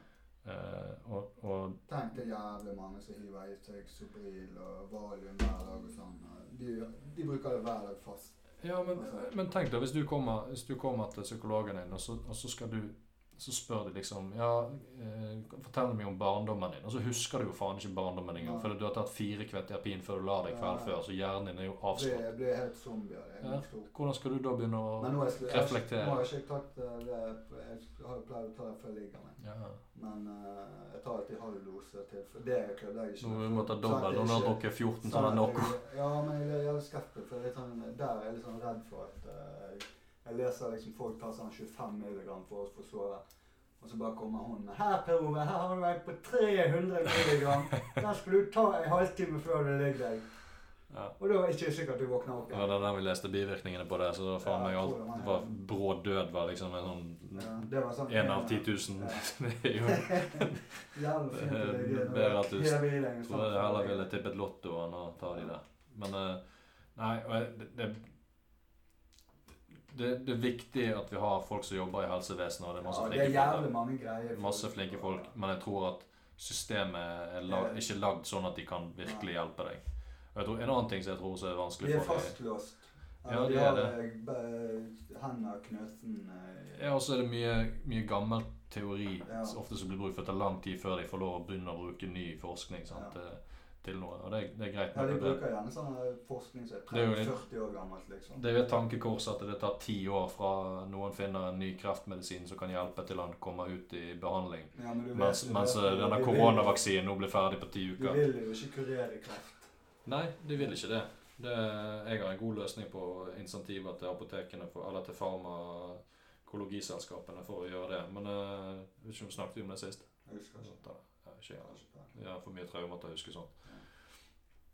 Men i hvert fall så, så tror jeg jo det at vi vi må begynne å, å se litt på, på andre utveier og bli litt flinkere til å prøve å gå inn i, i dybden i det. Og jeg tror, eh, ja, så tror jeg ikke at Jeg tror det ene Det merket da jeg gikk til psykolog. Eh, det som Det som jeg tror gjør at folk åpner seg opp for meg når jeg snakker med dem, er at jeg deler av meg sjøl. Jeg skjønner at ikke psykologene kan spy ut om sin egen barndom nei. til folk, så det er ikke et valg de har nødvendigvis. Men det å ha egen erfaring med noe, istedenfor at når du møter en psykolog som sier til deg at jeg, jeg, vet ingen, jeg vet egentlig ingenting annet enn det jeg har lest i en bok om Nei. dette. Da er jo ikke de noe mer psykolog enn det du er. da. Du er ikke mitt spesialfelt, Per Ove, men du bør jo være det, for du har jo litt av hvert. Ja, men hvordan kan noen være noens spesialfelt? For alle er unike og har sin egen historie. sant? Og det er det igjen, De sitter med en liste over symptomer som er kriteriene for at du skal ha bipolardiagnosen, og så skal de sitte liksom og, og forstå seg på det, og så skjønner ikke de at alt sammen er egentlig bare symptomer på traumene du har som, eh, som liten. Det var jævla mye styr der når jeg fikk den. Det var masse leger. og det var liksom, Jeg tror det var tre stykker som satt der og vurderte. Ja, Det var så jævla mye greier. alle bare lurte på hvor mange milligram du skulle få. Ja, det var Det var det de satt og regnet ut. Når vil du begynne? ja. Nei, jeg tror eh, Jeg leste faktisk det var litt morsomt her. Jeg leste, Nå, nå skal vi sikkert begynne å skremme oss fra å begynne å meditere. Så det var sånn her 12 eh, eller noe sånt. Nei, de døde ikke, men de, de opplevde forverring av symptomene. Så de, ble, de fikk mer angst og mer depresjon og sånn. Og det er jo ikke så rart hvis depresjon Nei, fører det til er grunnen til at du, hvis du gjør det, så tenker du sikkert på de tingene Ja, og det er jo vanskelig. Det skal Ja, og det er jo vanskelig. Ja. Tenk deg hvis du Vil, de Hvis du, ikke en, det. hvis du i en alder av 30 år finner ut at du har blitt eh, forgrepet deg på av eh, onkelen din, ja. Og det er det første gangen du hører om det, og, du oppdaget det gjennom meditasjon Selvfølgelig forverrer det hele tilstanden din. Hvis du før det hadde en del symptomer på traumer, men du, du Du, var liksom ikke, ikke du visste ikke hva det var. ja, Du bare var urolig, f.eks. Du var engstelig. Enkelte folk trigget deg, men du visste ikke hvorfor. Ja. Eh, du har drevet med selvskading, kanskje, men du visste ikke hvorfor. Mm. Eh, Du sp- overspiste, visste ikke hvorfor. Og så begynner du å meditere og kommer dypere og dypere inn i det, og så plutselig så får du et flashback. For du, du trigger Plutselig ser du en kuk. Ja, plutselig ser du en kuk. Og så bare tenker du 'helvete, hva er det for noe?' Så plutselig ser du hodet til onkel Ole. sant? Og så er du liksom Plutselig så går det opp for deg at du har blitt misbrukt som liten. Ja. Det, det er jo ingen som sitter alene hjemme og mediterer som takler det bare helt på stående fot og bare 'Å ja, ok, Ja, nå, nå vet jeg det. Det var bra'. Det blir kjøkkenkniv eller ja, ja, men det kan jo fort bli det. Det er ikke så rart at du kan få en forverring. Det, det, det sier jo de med alt. Det tror jeg, jeg har ofte, Når jeg har begynt med behandlinger også, jeg har fått hos lege, så, så har de, de ofte sagt sånn at det kan bli verre først. Ja. Og det er jo ikke så rart. Det kan ofte bli verre først. Selvfølgelig er det det, for det er vondt å begynne å se på, på traumene sine. I hvert fall hvis du har levd liksom i fornektelse, eller du har fortrengt det, eller du ikke har husket det i det hele tatt. Kanskje du har vært dopet ned og blitt voldtatt på fest. Mm. Og så er du så du, så du vet ikke om det egentlig at det har skjedd, men du har kanskje en anelse, og så plutselig så husker du det som skjedde. Ja. Og så var det graverende, og så, tenk, og så ble det bare Oi, faen. Jeg hater livet mitt enda mer. Ja. Så blir ting verre. Men nå kan det jo bli bedre. Nå kan du jo endelig begynne å jobbe. For nå vet du hva du skal jobbe med istedenfor symptomene dine. Så kan du endelig begynne å jobbe med det som faktisk utløste symptomene. Det er det som er, er liksom trikset her. sant? Og, Mm. og det gjør vondt. Og det samme var jo sånn som jeg så nevnte den når jeg reiste på denne ayahuasca-retreaten òg. Og, og jeg sier ikke at det er for hvem som helst heller. Eh, Men det som er med det som jeg tror er litt viktig, det, det er ikke Den kurerer deg ikke ja, sånn sett. Han viser deg hva som er problemet. Han viser deg hvem du er, eller hva det er som har skjedd med deg. Ja. Og da vet du hvor du kan begynne å jobbe. Mm. Så du får den snarveien til meditasjon som meditasjon kan gi deg. Sant? Så det du ville brukt fire år på å gjøre gjennom meditasjon, det kan du gjøre i løpet av en helg. Sant? Fordi at du går inn til bunns i problemet ditt. Og da kan du begynne å jobbe. Mm. Men det kan, det kan bli en bratt bakke, for du, du blir jo kanskje retraumatisert. Eller du, du kommer plutselig inn og ser at du Faen, hvem Det er jo ikke den jeg har vært. Helt, jeg hadde vært helt annerledes hvis det ikke det hadde skjedd. Altså, du, du begynner å tenke veldig mye, sant? og det er jo da du må begynne å jobbe. Og, og når du gjør den jobben gradvis over tid og tåler at du får noen tilbakefall, så vil du bli møtt med traumene dine igjen, du vil bli møtt med handlingsmønstrene dine igjen, og så bare Ok, men det er sånn det er, sånn det. Det er disse handlingsmønstrene jeg har av sånn og sånn. Mm. Så jeg jobber med de dag for dag. Og så får det heller våge seg. Ta en dag av gangen. Ja, det sier de jo i alt sånn De som skal slutte med rusmidler òg. Men ta én dag av gangen, og så får du tåle det at en, noen dager er dårlige, og noen dager er gode. Mm. Yes. Er, vi, er vi ferdig snakket? Ja, skal du ikke lese opp etter disse diktene dine som du har skrevet? Ja, det var det. Vi kan jo se om vi Du hadde jo uh, lest opp et forrige gang, gjorde du ikke det? Jo, vi hadde jo et dikt Det var det som kom på andreplass i Norgesmesterskapet. Ja, Da var jeg faktisk eh, Da hadde ikke jeg vært på byen, faktisk. Så det var Det Nei, kommer, nå det kommer etter edru 6. byen? Nå kommer noe mer sånne som Så var i denne trøste... Ja, for dette her var eh, sikkert i den verste perioden i livet mitt eh, etter jeg var blitt nysingel og hadde det skikkelig kjipt. Og da velger du å skrive dikt. Da eh, ble jeg inspirert igjen. Så da fant jeg jo på et eh, litt artig dikt, da. Ja, jeg gleder meg. ser- Har du dette vært med i en konkurranse òg? Nei, dette har jeg ikke vært med i Dette kan du konkurranse. levere inn eh, Dette går jo å bruke. har, eh, De har vel kanskje en sånn Bruker de neste konkurranse? Ja. Nei, jeg vet ikke om det blir noen flere diktkonkurranser, men det er jo det er litt interessant å se hvor jeg var i denne perioden. Den begynner jo å nærme seg det er Hvor lenge er det? Åtte- Åtte-ni år siden sikkert dette. Ja. 2012. Hvis vi se om vi finner igjen det. da. Det er en stund siden. Ja, den tok bilder av den jeg fant det. Yes. Så får vi ta i betraktning at eh, at uh, jeg sikkert var uh, Full når du skrev det. Ja, i hvert fall full når jeg gjorde dette. Ja. Så Nei, det, det er jo uh, Nå er jo ikke nattbuss Nå er jo det ansiktsmaske på på nattbussen, så kanskje dette skjer enda oftere. Mm. Jeg vet ikke. Diktet heter i hvert fall 'Nattbussen'. Vær så god. Yes. Det var seint og vi var full. Praten gikk om sex og tull. Ingen av oss var vel frelst. På nattbussen tar vi hva som helst. Jeg var kåt, men lite potent. Men hvorfor ikke få seg noe av en fjern bekjent? Hun var ikke stygg, og bare litt tjukk. Men det må nå være bedre enn et jokk. Jeg skjønte fort at jeg ikke kunne prestere. Heldigvis ville hun gjerne imponere. Hun kunne se ut litt som en heks, men hun hadde null brekningsrefleks. Hun var gjerne ikke så flink til å løpe, men hun så på mye porno, kunne hun røpe. Hun spurte om hun fikk rimme, så tungen hennes kunne vel få trimme. Var ganske godt, selv om hun ikke var særlig flott. Men en som hjemme etter nattbuss, får i alle fall ingen godnattsus. Ja, den var, jeg syns det var bedre enn det jeg hadde forrige gang. Ja, kanskje dette Kanskje du må skrive, en, skrive et nytt til neste gang. da. Har du noe å jobbe med. En uke eller to nå. Ja, satser på at jeg slipper å ta nattbussen og være dritings for, for å få disse diktene opp i, i hodet, da. Jeg kom på en ting.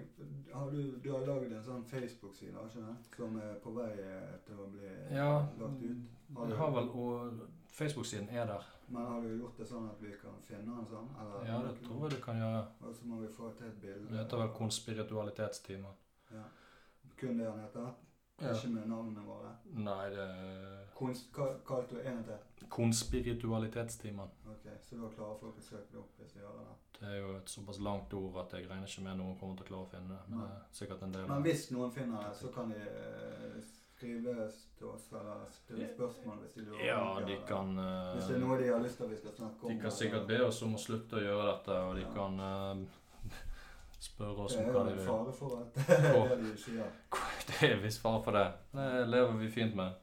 Ja. Men da skal vi eh, prøve å få lagd en ny episode igjen om en ukes tid. eller noe sånt. Ja, vi kan prøve på det. Så da skal vi bare gi oss da for i dag. Ja. Ja. Takk for i dag, Anders. Vær så god.